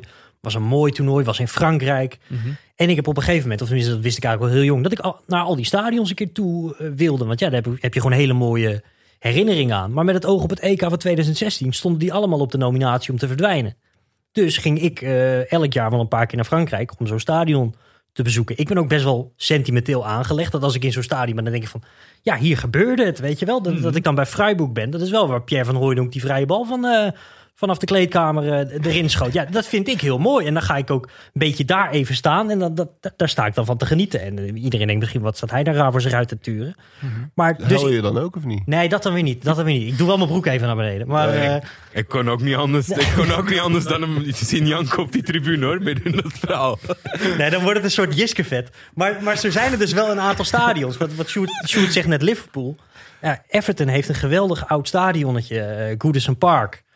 Eh, waar, waar je echt nog het echte Engelse voetbal proeft. Maar tegelijk je ook best wel goed, goed voetbal te zien krijgt. Ik weet dat jullie er een beetje op afgeknapt zijn dit seizoen op Everton. Ja, Jordi gelooft niet in project Everton. Nee, Dat is- nee, Dat is nee. ook wel nee. weer uitgekomen toch? Maar, maar het is bij Vlagen best leuk om naar te kijken. En eh, dan is dat bijvoorbeeld is wel een hele mooie. Ook omdat je weet dat ze over drie jaar in een heel nieuw stadion gaan spelen. Ja, dat kan je altijd nog bezoeken. Ja, en, en je kunt makkelijk een kaartje komen bij Everton. Liverpool niet, dat is een ramp. Eh, dat, dat moet je echt veel voor Ja. betalen. Zeker in het, in het succesjaar was het helemaal dramatisch. Dan moet je echt de zwarte markt op. Dat is ook een nadeel van Engeland. Dat kaarten op de zwarte markt gaan drie keer over de kop. Eh, dus je De betaalt, vraag is er. Dus ja, ja. je betaalt gewoon heel veel. Dus bij concerten trouwens ook zo in Engeland. Dus op een of andere manier gaat de zwarte markt dan altijd veel verder over de kop dan in veel andere landen. Maar Everton is goed te doen. Kun je gewoon op, op een normale manier aan een kaartje komen. En geweldig stadion. Dus nou, dat, dat is iets wat, wat ik ook altijd wel meeneem van nou oké, eh, hoe lang kan dit nog? Want het- zo heb ik ook bijvoorbeeld wel eens stadions gemist. Ik, ik, ik, kijk bijvoorbeeld voor Highbury ben ik te jong. Mhm. Maar ehm, ik, ik, ik kan mezelf nog steeds voor mijn kop slaan dat ik nooit bij het oude West Ham United ben geweest. En, en, en ik ben wel bij het nieuwe. Ja, ja, terecht. En ik ben wel bij het nieuwe geweest, maar dat is het toch net niet. Nee. En dat is, dan, eh, dat is dan wel jammer. Want ik heb ook met heel veel van die stadions zo. Dat, dat, dat klinkt misschien een beetje zweverig, maar nou, eh, je gaat dan naar Chelsea. Kijk, dat is een stadion. Je bent er nog nooit geweest. Maar je kent die plek wel al of zo. Omdat je daar gewoon al je hele jeugd en Ja. je hele leven naar zit te kijken. Je weet daar haast de weg. Zonder dat je er ooit geweest bent. Dat is best wel gek. Dat, dat had ik in San Siro ook. Dan wist ik precies van nou, als ik hier de metro uitloop, dan is daar het stadion. En als ik hier de trap omhoog ga, dan krijg ik dit te zien. Als ik in deze steeg naar dat restaurantje ga, dan hebben ze die saus. Ja, ja, ja dat, dat, dat is de, ervaring zeker. mijn kop krijg. Ja, ja, ja, precies. Maar ik vind dat dan wel heel leuk om dat dan toch een keer met, eh, met eigen ogen te gaan bekijken. Ja. Maar met liefhebbers wilde je nog weten. Nou, we hebben dat onderscheid Gelijk. gemaakt. Dus Ja. je moet eh, met, met, eh, met je zoontje en je vader moet je naar Brentford, Brentford en Chelsea. Met je voetbalelftal zo- moet je naar Liverpool. Beetje combinatie tussen wat, wat zien en comfort. Je zou kunnen Dat je- zeggen dat dat, je daar het, een met, beetje de balans dat het met je vrienden wat meer om bier moet gaan. Met je familie wat meer om toch ook goed voetbal. En met de echte liefhebbers kijk je misschien wat kritischer naar van ah, dat is een mooi stadion. Of daar zit wat meer cultuur achter. Nee, ehm, ja, voor de echte liefhebbers is het natuurlijk oneindig. En dan is Buenos Aires wel, wel de ultieme plek. Is een beetje bijna cliché geworden Mhm. de laatste jaren, maar toch. We hadden met een vriendengroep, we gaan ook met z'n vijven gaan we een beetje op, op reis. We hebben in Engeland altijd heel veel, heel veel gedaan. En we hadden Buenos Aires bovenaan onze bucketlist gezet. Ehm, jaren geleden al, toen we eh, halverwege de twintig waren. Ehm, hier komt nog een belangrijke tip. Als, je dat, als je ooit naar Buenos Aires wil, Ja? Ehm, het moeilijkste is om met vijf gasten van 30, begin 30, eh, midden 30, zo'n reis te gaan maken. Want op een gegeven moment heeft, heeft Pietje heeft een nieuwe baan. niet. Jantje heeft eh, net twee kinderen gekregen. Ja. Eh, die is, de, de volgende is zijn relatie uit. Is een drama. We hebben er jaren over gedaan om één keer naar Buenos Aires te gaan. Gewoon door dit soort dingen. Er kon altijd wel iemand niet. Dus je moet, je moet het omdraaien. Je moet zeggen, dan gaan we. Ja, Dus je moet zeggen, we gaan bijvoorbeeld in de herfst van 2013 was dat dan toen. Dan gaan we en wie niet mee kan heeft pech. Dat is de enige manier. Want als je het hoe lang omdraait... van tevoren had je dat toen eh, vast? Veel, Prikt? Ja, een half jaar of een jaar. Maar als je het maar afbakent. Dat je zegt van oké, Ja. de Boca Juniors River Plate wilden we naartoe. De Super Classico in de eerste seizoen zelf van 2000... Oh, sorry, de tweede seizoen zelf... eh, de eerste, sorry. Eerste seizoen zelf maakt niet uit. Van 2013. Die gaan we. Die moeten we. Wat er ook gebeurt. Ja. En als je niet mee kan, dikke lul, dan gaan we maar zonder jou. Want anders gaat het niet. Nee, en dan kan het opeens wel. Dan kan iedereen opeens wel Ja, tegelijkertijd. ja, en toen lukte het. Voor het eerst in jaren. En al die jaren daarvoor was het mislukt. Mensen hun baan kwijtgeraakt, eh, gescheiden. Ja, maar het, Ja, is echt zo waar. Want wij eh, zijn een paar keer naar het buitenland geweest. en Niet voetbal gerelateerd met onze vriendengroep. Nou, allemaal wat ouder, allemaal relatie, allemaal kinderen en dat soort dingen. En toen was het van, ah, is wel gezellig hè. Dat is wel leuk, moeten we weer doen. Moeten we zeker weer doen. Moeten Ja. we zeker Ja. weer doen. Toen heb ik op een gegeven moment ook dat omgedraaid. En nog cynisch erop van, ja, laten we hem vast plannen. Want dan kunnen we hem ook wel, weet je, dan weten we alvast dat hij niet doorgaat. Dus een week wanneer ik gewoon thuis kan blijven. en toen ineens was dat omkeerpunt van, nou ja, ze gaan nu echt. Nou ja, dan ben ik er ook maar bij. Dan ben ik er ook maar bij. Ik regel wel wat. En ineens zaten Onder we- druk wordt alles vloeibaar. Hè? ja, en we zaten we langer met een grotere groep. En hebben een fantastische tijd in Sevilla gehad. Dus ja, het is wel echt goed om, eh, als, je, als je gewoon even een beetje druk erop. Op tijd plannen. Ja, Op tijd plannen, ja inderdaad. Dus combinaties maken hebben we al. Ja. En dat is bijvoorbeeld in Buenos Aires kan je natuurlijk eh, je- lol op met een stuk of twintig clubs. Maar bijvoorbeeld ook dichter bij huis. Ja, Londen natuurlijk, maar ook Noord-Italië. Ja. Kijk, je bent met zo'n snelle trein ben je zo van Milaan in Turijn en van Turijn in Genua. En eh, aan de andere kant ben je weer in Bergamo. Dus je kan, dan kan je ook zeg maar gewoon zeggen van we gaan dat weekend. We weten nog helemaal niet hoe de wedstrijden vastgesteld worden. Maar we huren een autootje of we, we pakken de trein. En of we nou op vrijdag bij Torino of Juventus zitten en op zaterdag in San Siro. In Milaan is bijvoorbeeld altijd voetbal. Dat heb je met zo'n gedeeld stadion. Hè? Mhm. Eh, dus er is daar, daar kan je altijd wel eh, een goede planning over maken. En dan eh, weet je op voorhand misschien nog helemaal niet wat voor voetbal je gaat zien. Maar dat- dat je iets gaat zien, is altijd wel, eh, dat staat wel vast. En mensen die voor het eerst naar Engeland gaan, even het, het voetbalteam moest naar Liverpool. Mhm. Maar wat ik ook heel vaak als tip geef voor Engeland is Fulham. Omdat bij Fulham heb Een je... oud stadion, toch aan het, aan het Ja. water. Het is een schitterend stadion. Echt waanzinnig. Qua ligging, aan de Theems. Maar ook een schitterende oude gevel hebben ze. Het is wel verbouwd, hè? dus achter de goals zijn vrij nieuwe tribunes. En nu heb je op de, aan de Theemszijde zijn ze nu ook een nieuwe tribune aan het bouwen. Die wordt ook waanzinnig mooi. Maar het klopt gewoon van A tot Z. De buurt klopt, de wandeling er naartoe vanaf de metro. Het is helemaal perfect. De sfeer is een beetje tam, want het is een beetje een kakclub. Het is een super dure buurt en ze hebben nou niet de meest eh, extreme supporters of zo, helemaal niet. Maar je hebt de combinatie van een echt oud Engels stadion. Het is vaak ook nog Premier League. Dus als je daar waarde aan hecht, dan heb je in ieder geval nog, eh, nog Premier League. En kun je tegen een leuke tegenstander kunnen wat leuke eh, tegenstanders treffen. En kaartjes is een eitje. Je kunt altijd naar binnen. Ze, hebben, zijn eigenlijk nooit uitverkocht. Ja. Dus eh, dat is eh, als instapper in Londen is Ja. Fulham perfect. En als instapper in Londen het eerste FA Cup weekend eh, van, het, van het nieuwe jaar. Dat is, dat is, ja, ja. dat is vaak 3 of 4 januari. Zit Dan- van alle lagen nog eh, aanwezig. eh, Ja, en dan kan je ook bij een Chelsea, als je, dat, als je daar echt graag naar binnen wil, kan je daar ook nog wel aan kaarten komen. Want die spelen dan tegen een, eh, weet ik veel, Oxford United of zo. Dus verwacht dan niet dat je alle sterren in de basis eh gaat zien. Maar zo ben ik bijvoorbeeld in een weekend voor, eh, ik geloof totaal 30 pond naar West Ham United, Crystal Palace en Fulham geweest. Ja, en dan, dat is ook een geweldige voor Enfield. Hetzelfde wat Jean-Paul nu zegt. Enfield kom je bijna niet, niet binnen. Dat, of je moet echt enorm je portemonnee trekken. En eh, als je naar Enfield wil, eerste weekend van januari. Inderdaad, zijn we ook met het voetbalteam naar Liverpool geweest. Daar heb je natuurlijk altijd de discussie van... geven we wel genoeg om de FA Cup? Maar dat, toch? Dat hebben ze in Engeland, is dat al Ja. een probleem. Maar dat doen ze voor, dus niet. Voor ons toeristen is dat dus juist een voordeel. Ja, Ja. daar kun je van profiteren. Hoe Zijn we nog steeds niet bij de ideale reis, toch? Of we hebben wel de, de, de componenten. Maar ik, gewoon, waar gaan we naartoe? Welke wedstrijd gaan we zien? We prikken er even in. Je gaat, Of geen letterlijk. je gaat vanuit Nederland naar eh Standaard. Ja. Je kent allemaal wel het moment als je bij Maastricht de grens overrijdt. Mhm. Dat je dan in één keer het gevoel hebt dat je ergens eh, achter in eh, Albanië terecht bent gekomen, weet je wel. Nou, dat, dat is dus Wallonië. Ineens dan rij- maakt de auto weggeluid. Ja, ja, precies. Weet je, en je denkt, is het mijn auto? Nee, het, is, het is de weg. Ja, En en de- het is opeens niet meer plat ook. Nee, het is, het is niet meer plat. Het, het is eh, allemaal wat, wat shabbier. Er staan gebouwen waar 40 jaar geleden voor het laatst mensen in hebben gewoond en zo. Dus het is een beetje, beetje, beetje ruig, een beetje duister.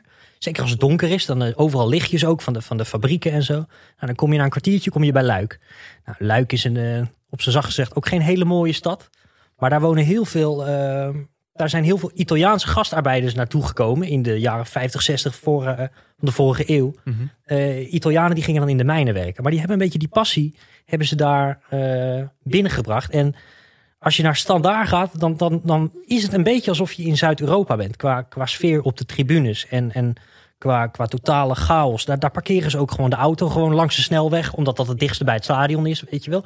Dat, dat, dat, Ja, je rijdt er ook vlak langs, toch? ja, je kan er vlak langs rijden, ja. Maar dan denken mensen ook van, oh, hier is het. Dus hier zet ik mijn auto neer. Dat, Ja. dat, dat kan allemaal gewoon daar. Ja. En Goede Ja. horeca ook. goede Om het horeca. stadion heen. Ja, zeker. Sowieso in België, dan heb je zo'n...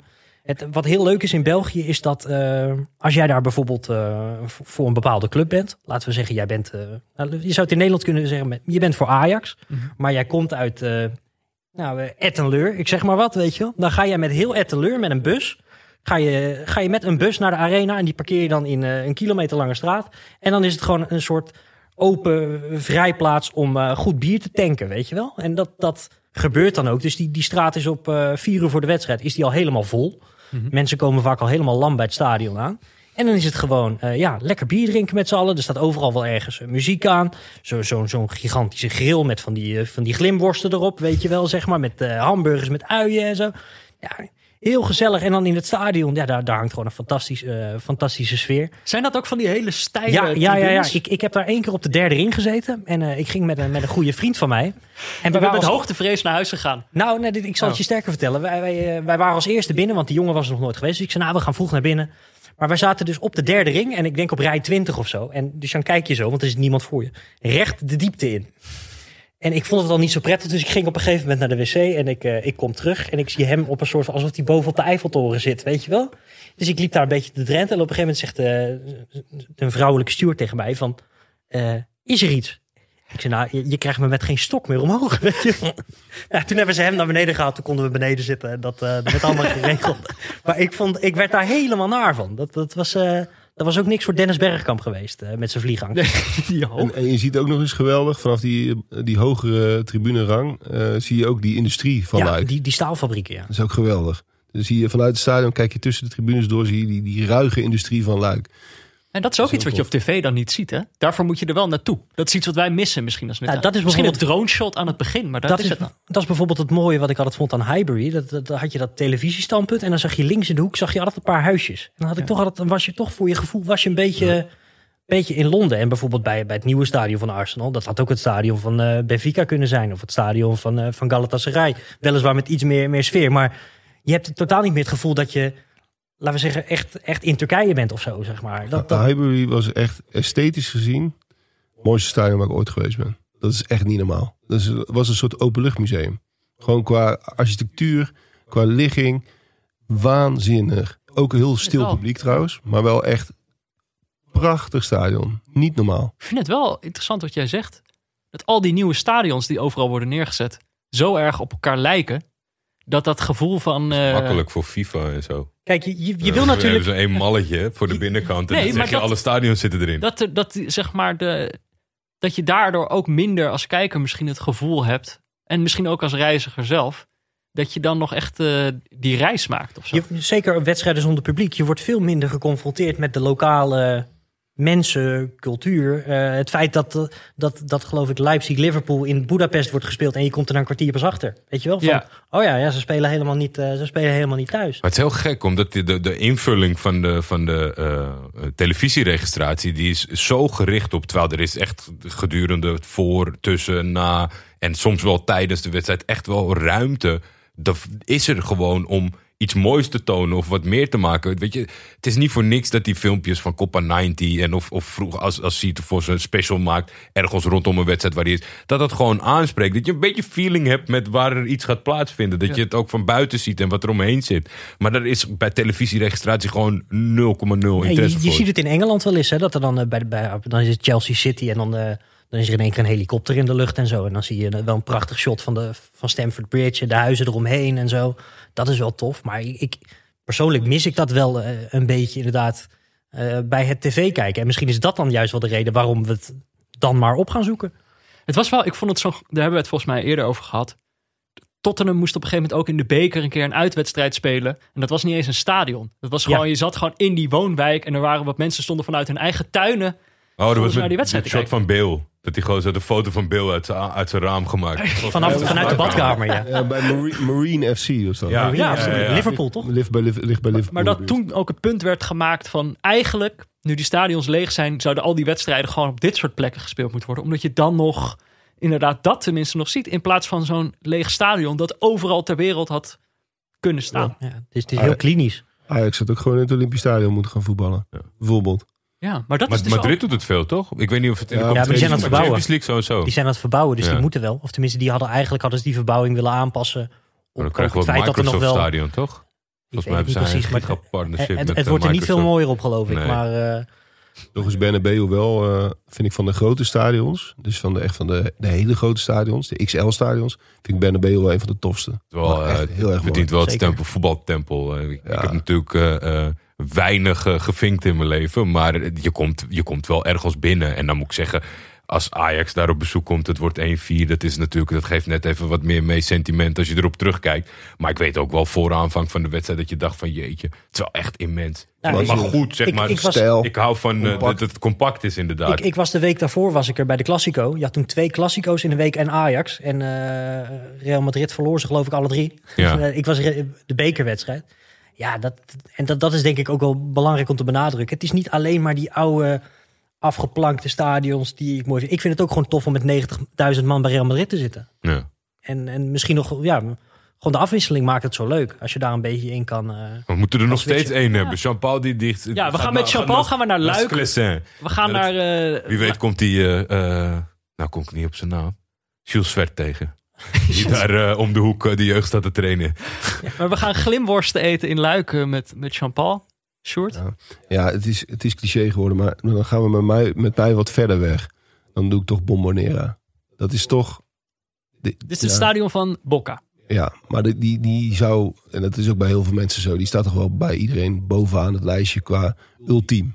Dat stadion heeft gewoon alles. Alles wat een stadion kan hebben, heeft het. Het is een heel raar stadion, toch? Zit een flat, flat het is, staat het is asymmetrisch, Ja. wat ik zelf te gek vind. Want asymmetrie geeft juist karakter aan een stadion. Als alles hetzelfde is, dan is het eh, eentonig.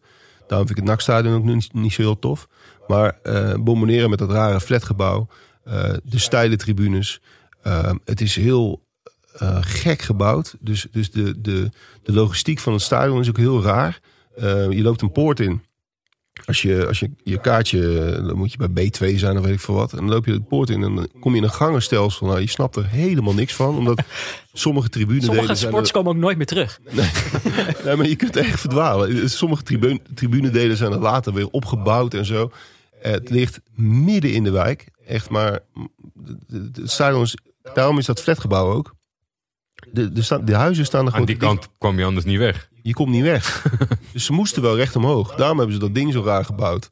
Ehm, die, die buurt die is helemaal, dat had je bij West Ham, het oude stadion ook.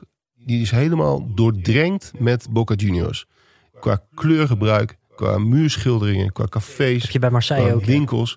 Waanzinnig. En, en dat is, ja, die combinatie is gewoon ultiem. De sfeer natuurlijk ook. Want dat maakt het natuurlijk helemaal af. Dat het publiek waanzinnig is. Maar daar, ja, meer kun je gewoon niet hebben. Het heeft karakter. Het is imposant. Het is een onwaarschijnlijk kabaal wat je hoort. Ja, dat is... Een factor die je niet zo vaak, vaak meer hoort, maar die ik, nog wel, die ik nog wel weet van het verleden. De, de veiligheid, zeg maar, als, als toerist daar. Het, de, Brazilië, voornamelijk volgens mij, maar ook in Argentinië wil nog wel eens uh, heibel worden Ja, wij, hebben geprobeerd om die Super Classico een keer te kijken. Toen ging die niet door, omdat er stenen en... En, eh, Dat was ook een bijzondere, ja. en wat was het? Maar die gozer die, die pepperspray in die, in die, in die, die blaastunnel spoot. Ja, ja, heb je ook nog gehad? Ja. ja, dat is ook zo. Maar je moet een beetje logisch nadenken. Kijk, eh, Maar dit is ook onderdeel van reizen waarschijnlijk, toch? Die spanning een beetje opzoeken. hoort er wel een beetje bij. En in eh, Argentinië is wel, eh, ja, je moet een beetje je common sense gebruiken. Kijk, als je een risico neemt. We zijn nooit bij Nueva Chicago geweest. Dat is echt de ruigste club van Buenos Aires. En toen gingen we s ochtends, hadden we al besloten dat we daar naartoe zouden gaan. En toen zaten we te ontbijten, croissantje. Toen zei ik, kom even wat beelden kijken, alvast om een beetje in de stemming te, komen. Je moet eens op YouTube moet je eens opzoeken. Nueva Chicago Ja? tegen Tigre. Dat was een eh playoff wedstrijd. Op promotie en degradatie. Ik denk dat het een jaar of tien geleden is of zo. Dan zie je de meest absurde rellen die je ooit gezien hebt. Dat is gewoon niet normaal. Dat, dat, Angstaanjagend? Echt angstaanjagend, ja. Dat is ook, En- ook met, met messen en dergelijke. Ja, die ga ik, toch? Eh, ga, ik niet, ga ik niet googlen. Ga ik niet googlen. Nee, nou, dat is, je weet echt niet wat je ziet. En, men- en, maar toen om de stemming erin Ja. leuk, nog. leuk, En zin in. En een uur later eh, moesten we daarheen. Dus, dus een van die vrienden van mij die trok al een beetje wit weg. Van ja, moeten we dat nou aan doen? En onze, we hadden twee taxichauffeurs. Die, dat is ook in Buenos Aires een gouden tip. Je moet een soort vak- vaste taxichauffeur regelen. Want daar, je hebt heel veel informeel circuit. Dus die kan ook je kaartjes regelen. En die kan even een praatje maken. Als je een lidmaatschap voor een club nodig hebt, dan babbelt hij even met de voorzitter. En dan is het allemaal opgelost, weet je wel. Dus dat, dat is heel handig. Die noemden we de deurzakkers, die twee. Die leken ook sprekend op de deurzakkers. maar die regelde voor ons alles. Maar die, wilde, die zou ons ook naar Nueva Chicago rijden. En die keek ons aan van, jongens, wat gaan jullie nou doen? Wat, daar, moet je echt niet, daar moet je echt niet naartoe gaan. Dat is veel te gevaarlijk. Dat hebben we toch gedaan met de afspraak dat ze ons voor de deur af zouden zetten. En dat ze ons een beetje zouden helpen om in ieder geval op de eretribune terecht te komen. Want da- dan zit je over het algemeen veilig. Ja. Dus je moet, dat soort dingen moet je wel enige rekening mee houden. Maar toch, ja, ik heb me persoonlijk nooit eh, heel erg bedreigd gevoeld. Wat wel ook zo in Argentinië is, ze hebben heel lang die uitvak hebben ze uitgeband. Dus dat is eigenlijk heel jammer. Want het is natuurlijk qua sfeer is het natuurlijk geweldig, zo'n uitvak. Ja. Maar dat is de veiligheid wel ten goede gekomen. Wat gaan we eten? Ja, Ik denk vlees in Argentinië. ja je hebt, je hebt vlakbij, Boca, dan. vlakbij Boca Juniors heb je een restaurant dat heet El Obrero. Mhm. Het ligt eh, ongeveer 800 meter van Bombonera aan de waterkant. Ja, dat is een soort. Dat is ook een museum gewoon. Dat is een heel hoog pand met TL-verlichting. En die muren die zijn helemaal behangen met sjaals, foto's, vaantjes. Alles wat je kunt bedenken. Je kunt er voor 9 euro de meest, de meest geniale biefstuk eten die je maar kunt bedenken. bedenken. Ze hebben een eigen Maradona-hoekje. Diego is natuurlijk ook geweest. Ja, een soort muur Ja. met, met alleen maar Maradona-foto's en eh, Maradona-souvenirs. Ja, dat is, dat is geweldig. Moet je ook op tijd reserveren, neem ik aan. Nou, ja, je moet wel reserveren, maar je kunt er op zich wel terecht, want het is een goede, veel doorloop. Doorloop. Oh ja. Ik, ik denk wel, als, als, zeg maar, als dat niet in je budget ligt, dan is Napels denk ik wel een, een mooi alternatief. Toch als je het hebt over de passie en het voetballeven. Ja. Ik ben er nooit bij het voetbal geweest, maar ik ben er afgelopen zomer geweest. En je proeft die club, proef je overal. Wat jij net zegt over die buurt eh, rondom Boca. Dat heb je in Marseille ook. Dat zo'n hele stad ademt dat voetbal. Wat je bijvoorbeeld in Parijs totaal niet hebt. Als je, als je daar niet weet dat er gevoetbald wordt, dan krijg je dat helemaal niet mee. Ja. En, en zo'n zo'n stad staat dan helemaal in het teken van zo'n club, van zo'n wedstrijd. Ja, dat vind ik fantastisch. eh, Ik denk dat het grootste compliment van Marseille is dat ze zo fanatiek zijn dat ze er eigenlijk een lelijke verbouwing overwonnen hebben. Dus op Nou, het maar moment dat, dat, het vol dat zit, is nog dat- niet zo lelijk hoor. Want het is, het is wel een echt voetbalstadion gebleven. Ja, maar ik denk een minpuntje bij Napels zou zijn dat, dat het, het kan niet vol. Dus zeg maar, je kan, het, het kan heel druk en heel indrukwekkend zijn, denk ik, hoe je dat overkomt van tv. Bij Napels of Marseille? Eh, bij Napoli. Bij Napoli Ja. kan het niet vol zijn, omdat eh, een heleboel is afgekeurd, toch?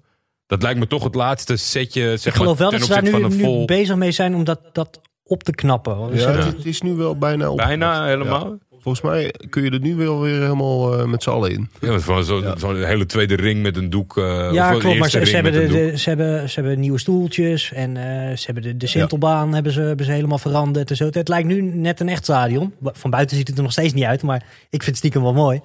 Maar eh, ja, dat, dat is ook echt een aanrader. En dan, als je nou zegt van waar ga je als eerste heen na... eh, Nee, dan moet je even wachten, want Oh. dat wil ik je zo nog vragen. oh, dat wil je me zo nog vragen. Oké. We gaan Maar- eerst eventjes. Oh, kijk, we hebben natuurlijk luisteraars die kunnen sinds dit seizoen kunnen ze vriend van de show worden. Via vriendvandeshow.nl slash neutrale kijkers. Nou, en dat, ik bedoel, die luisteren allemaal. Die zijn ook allemaal wel eens naar een voetbalwedstrijd geweest. Dus wij hebben gevraagd of ze dat dan binnen één minuut. Dat is dan nog wel de uitdaging, anders gaan ze maar door. Of ze binnen één minuut konden vertellen over hun meest bizarre of eh, in ieder geval gewoon een verhaal. Dat Krijgen ze kritiek over de speelduur na anderhalf uur luisteren van... Hey, ja, houd het kort, hè. Nou ja, omdat wij al zo lang bezig Ik weet zijn. sowieso dat minder ertussen zit, dus er Ja. zit vast een mooi verhaal in. Zijn, goed, eh, we-. Er zijn on- ongetwijfeld weer wat, wat, wat vrienden die we teleur hebben moeten stellen. Maar eh, dit zijn zes vrienden van de show. Jullie Ik hebben ook zoveel vrienden. Jullie als reisbureau. Zes Ja. vrienden hebben wij. Zes ja. vrienden, ja. Eh, jullie als vrienden van, of als, als, als reisbureau in deze aflevering. Die mogen ook best, als je even iets erover kwijt wil, dan wil ik best even op pauze drukken. Maar laten we even ja. gaan luisteren. Hey Jordi en Peter met Geert Gijzen. Ehm, ik heb een verhaal, niet zozeer een verhaal dat ik, waarmee ik op een wedstrijd eh hachelijke toeren heb ondernomen om er te geraken, maar eerder het terugkeren.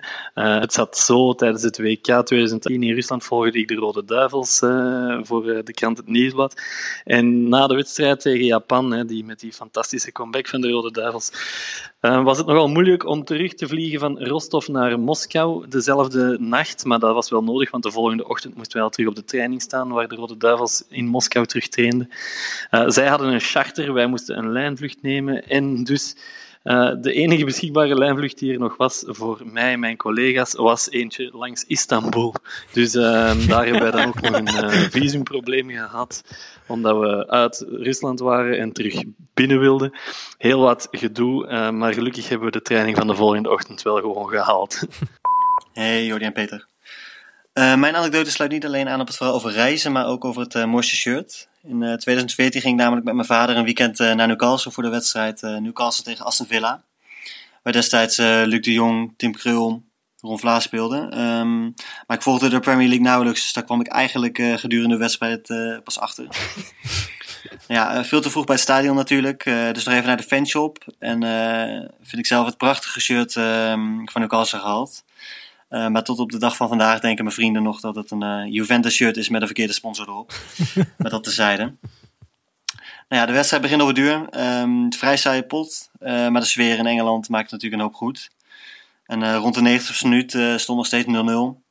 Zijn mijn vader op het duur, ja, laten we alvast maar weggaan, dan zijn we de drukte voor. En ja hoor, het moment dat we buiten stonden, hele stadion los, 92 minuut, 1-0, Remy. Niks gezien. Een vriend van mij en ik hebben de jaarlijkse traditie om een wedstrijd te bezoeken bij een oud Heerenveen-speler in het buitenland. Vorig jaar gingen we naar het Anderlecht van Michel Flap. De dag voor vertrek kondigde ik ons bezoek aan op Twitter in de hoop dat hij het zou lezen. Eenmaal in Brussel aangekomen besloten we met onze Heerenveensjaal om onze nek eerst een rondje om het stadion te lopen om wat sfeer te proeven. Vanuit een van de vele omliggende kroegen liep onze man tegemoet. Komen jullie voor Michel? vroeg hij met een Fries accent. Ja, dat klopt, antwoordden we. Ik ben de oom van Michel, maar hij is ziek, zei de man. Die combinatie klonk ons zo gek in de oren dat we snel besloten door te lopen. Wat een gek. Kort daarna kwam er een DM binnen. Ha jongens, ik lig helaas al twee dagen ziek op bed, dus ik ben er niet bij. Als jullie nog eens willen komen, dan regel ik hem bij de eerstvolgende wedstrijd twee kaarten. Geniet ervan vandaag. Groetjes, Michel. Na de wedstrijd stuurden we een bericht terug. We zouden hem graag nog een keer willen zien spelen. Maar daarna hebben we nooit meer wat van Michel Flap gehoord. Geen extra wedstrijd, maar wel een mooi verhaal. Mijn meest bizarre reis om een voetbalwedstrijd te zien was vorig jaar. Samen met mijn neefje reed ik zonder kaartje via Calais naar Londen voor Tottenham Ajax. De halve finale van de Champions League. Waar de grenscontrole niet helemaal vertrouwde. Twee jonge gasten in een gillende leasebak. Naar Londen voor Tottenham Ajax. Maar geen kaartje mee. Dat, dat kan niet kloppen. We kwamen gelukkig wel aan in Engeland. Nou, de sfeer in de stad was gelukkig aan de pot uh, geweldig. Dus dat keken we in een Arsenal pub. Waar we veel support voor Ajax en tegen Tottenham aantroffen. Het was een goede pot. Nog betere uitslag, 1-0. Bij uh, de terugreis kwam de druk stond er nog aan te passen bij de grens. En over de thuiswedstrijd tegen Tottenham heb ik de liever niet meer. Jordi en Peter. Ik heb al veel mooie wedstrijden mogen zien in mijn leven. Zo heb ik bijvoorbeeld in mijn jongere jaren aan de Lange Leegte in Vindam mogen kijken naar regionale helden zoals Santje, Barry Dieterwieg en Martin Drent. maar voor mijn mooiste voetbalbeleving gaan we terug naar 28 mei 2016. Bestemming Milaan, San Siro. En op het programma de Madrileense derby. Hè?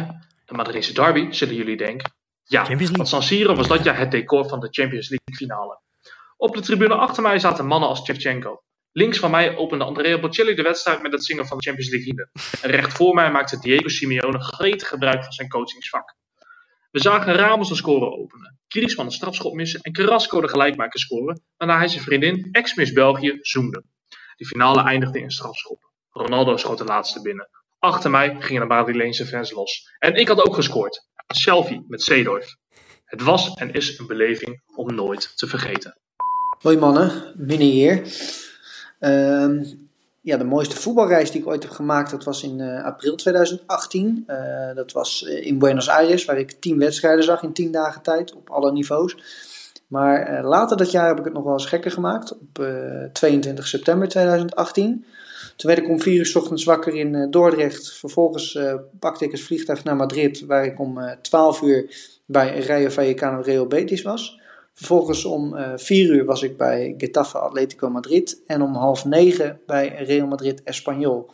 Uh, na die wedstrijd heb ik zo snel mogelijk de trein naar Sevilla gepakt, de laatste. En om vier uur lag ik daar op bed. Dus dat waren ja, 24 drukke uren, maar wel heel mooi. Vervolgens heb ik in Sevilla nog vijf dagen bij het zwembad van Hotel Macarena gelegen met uitzicht over de stad. En daar nog twee wedstrijden bezocht natuurlijk. Heb jij het wel eens zo bond gemaakt als je, als je collega, uh, Sjoerd? Ja, wij zijn in Buenos Aires ook drie wedstrijden op een dag hebben we toegedaan. San Lorenzo zijn we geweest. Dat is qua sfeer ook trouwens echt geniaal. San Lorenzo, die, dat het publiek is waanzinnig. Die, het zijn de zingers, hè? Ja, dat zijn echte zingers. Ja, en die hebben echt alleen maar goede liedjes. Dat is echt geweldig. Uh, Ferro Carrilo Oeste zijn we toe geweest. Dat is ook een heel toffe club. Een hele toffe plek in Buenos Aires. Uh, moet ik even denken wat die derde nou was. Ja, dat was niet independiente. Nee, die ging niet door. dat, was de tweede, dat was de tweede reis. Nee, volgens mij was het nu even Chicago was volgens mij de eerste die dag. Als ik even uit mijn hoofd nu. Maar goed. De, maar het is beter combineren dit. Nou, weet je wat mooi is in Argentinië ook? Er is heel veel mooi in Argentinië. Maar um, die wedstrijden die zijn allemaal op tv. Uh, want zij vinden in Argentinië vinden ze eigenlijk dat voetbal gewoon van iedereen is. Dus ze plannen alle wedstrijden zo gespreid mogelijk over het tijdvakken, dus uh, ja. Ja, dus je kunt het hele weekend kun je voetbal kijken. Dus dat begint op uh, vrijdagavond. En dan kun je op zaterdagmiddag half één, kun je tot, tot negen uur kun je wedstrijden kijken. En op zondag precies hetzelfde.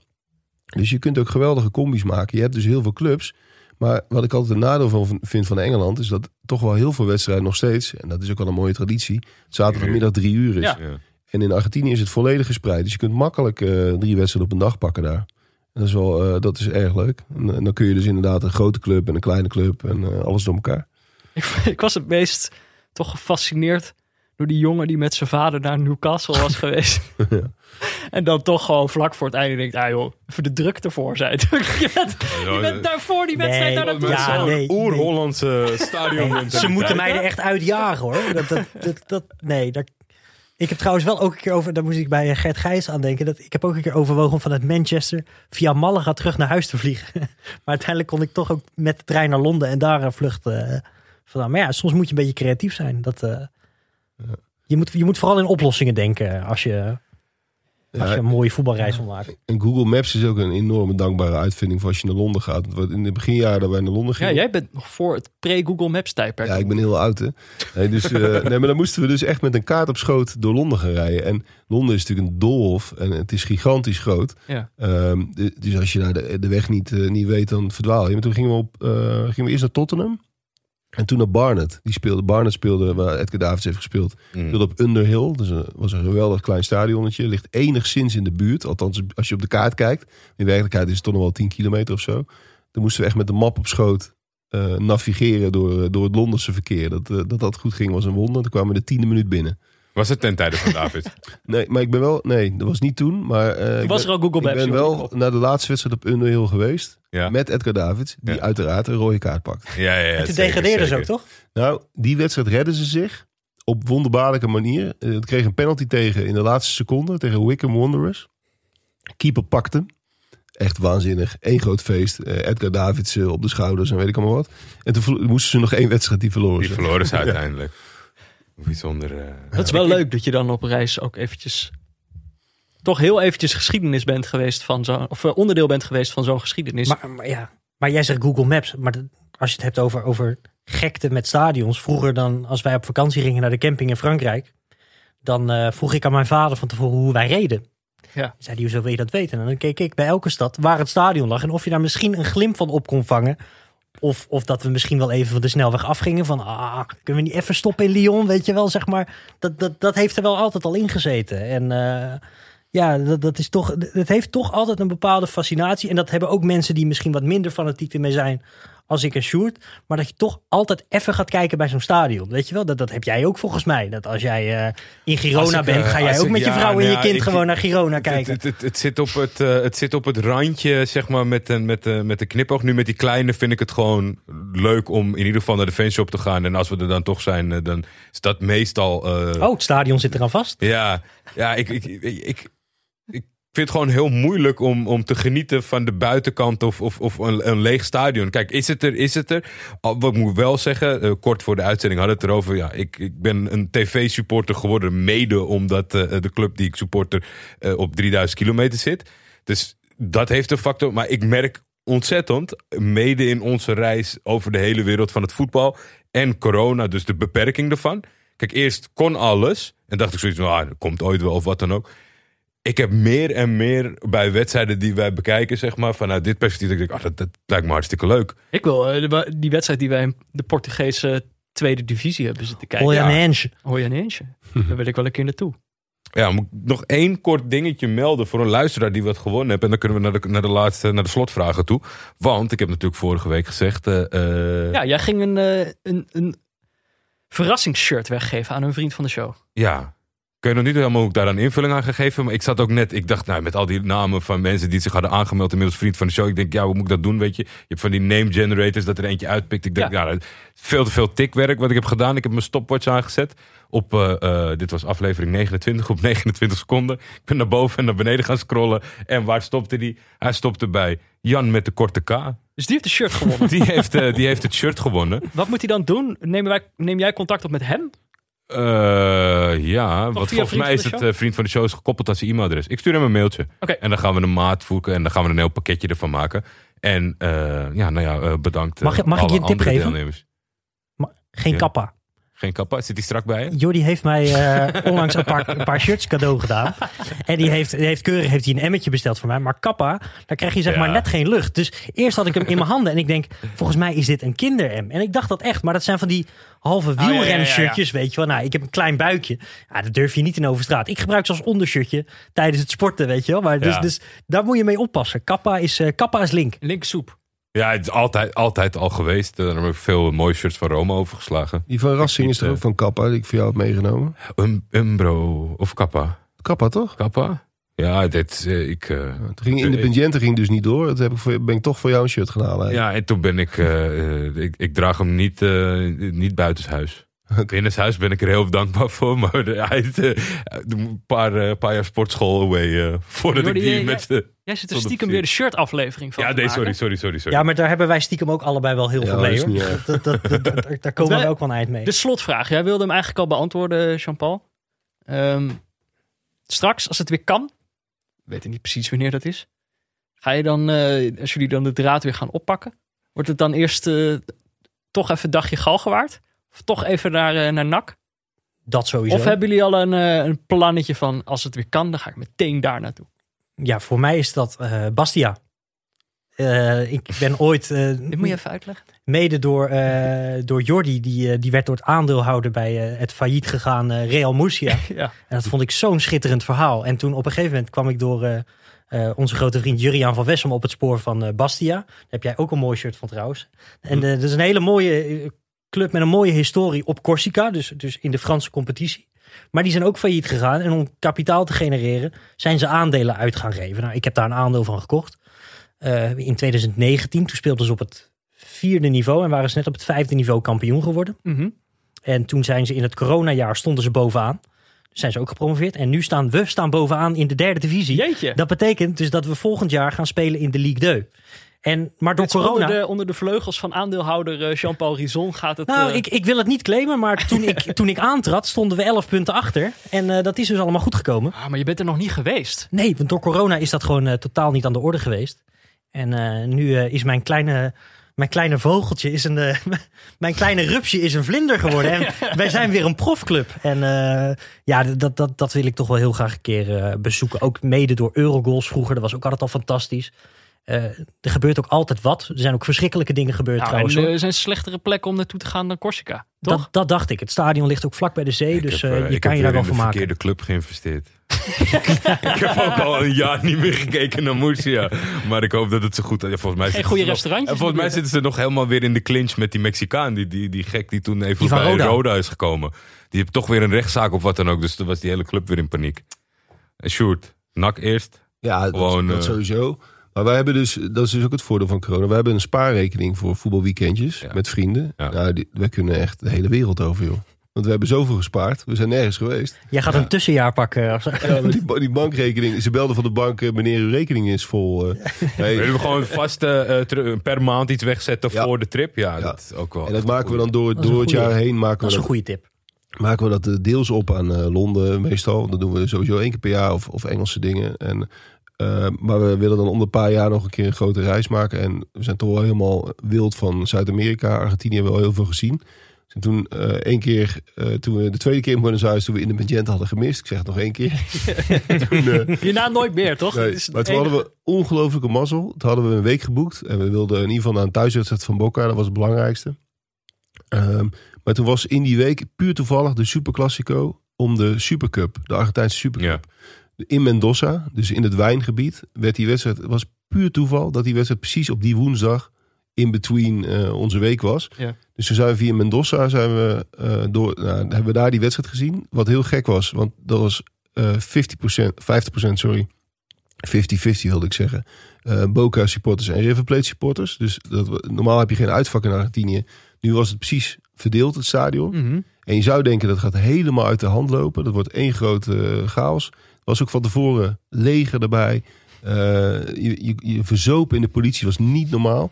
Maar er gebeurde eigenlijk niks. Dus die wedstrijd was gespeeld. En na afloop iedereen gewoon lekker de stad in daar. Hartstikke leuke stad. En eh, dat viel uiteindelijk allemaal reuze mee. Zijn we uiteindelijk via Chili. eh, zijn we Chili nog geweest. Hebben we daar een muziekfestival bezocht. Ik maak iedereen even heel jaloers hier. Ja. Via En, de ring van Santiago gegaan. Ja, en Lekker, man. Naar Everton, de, het Chileense Everton, Chileense, zijn we een wedstrijd geweest.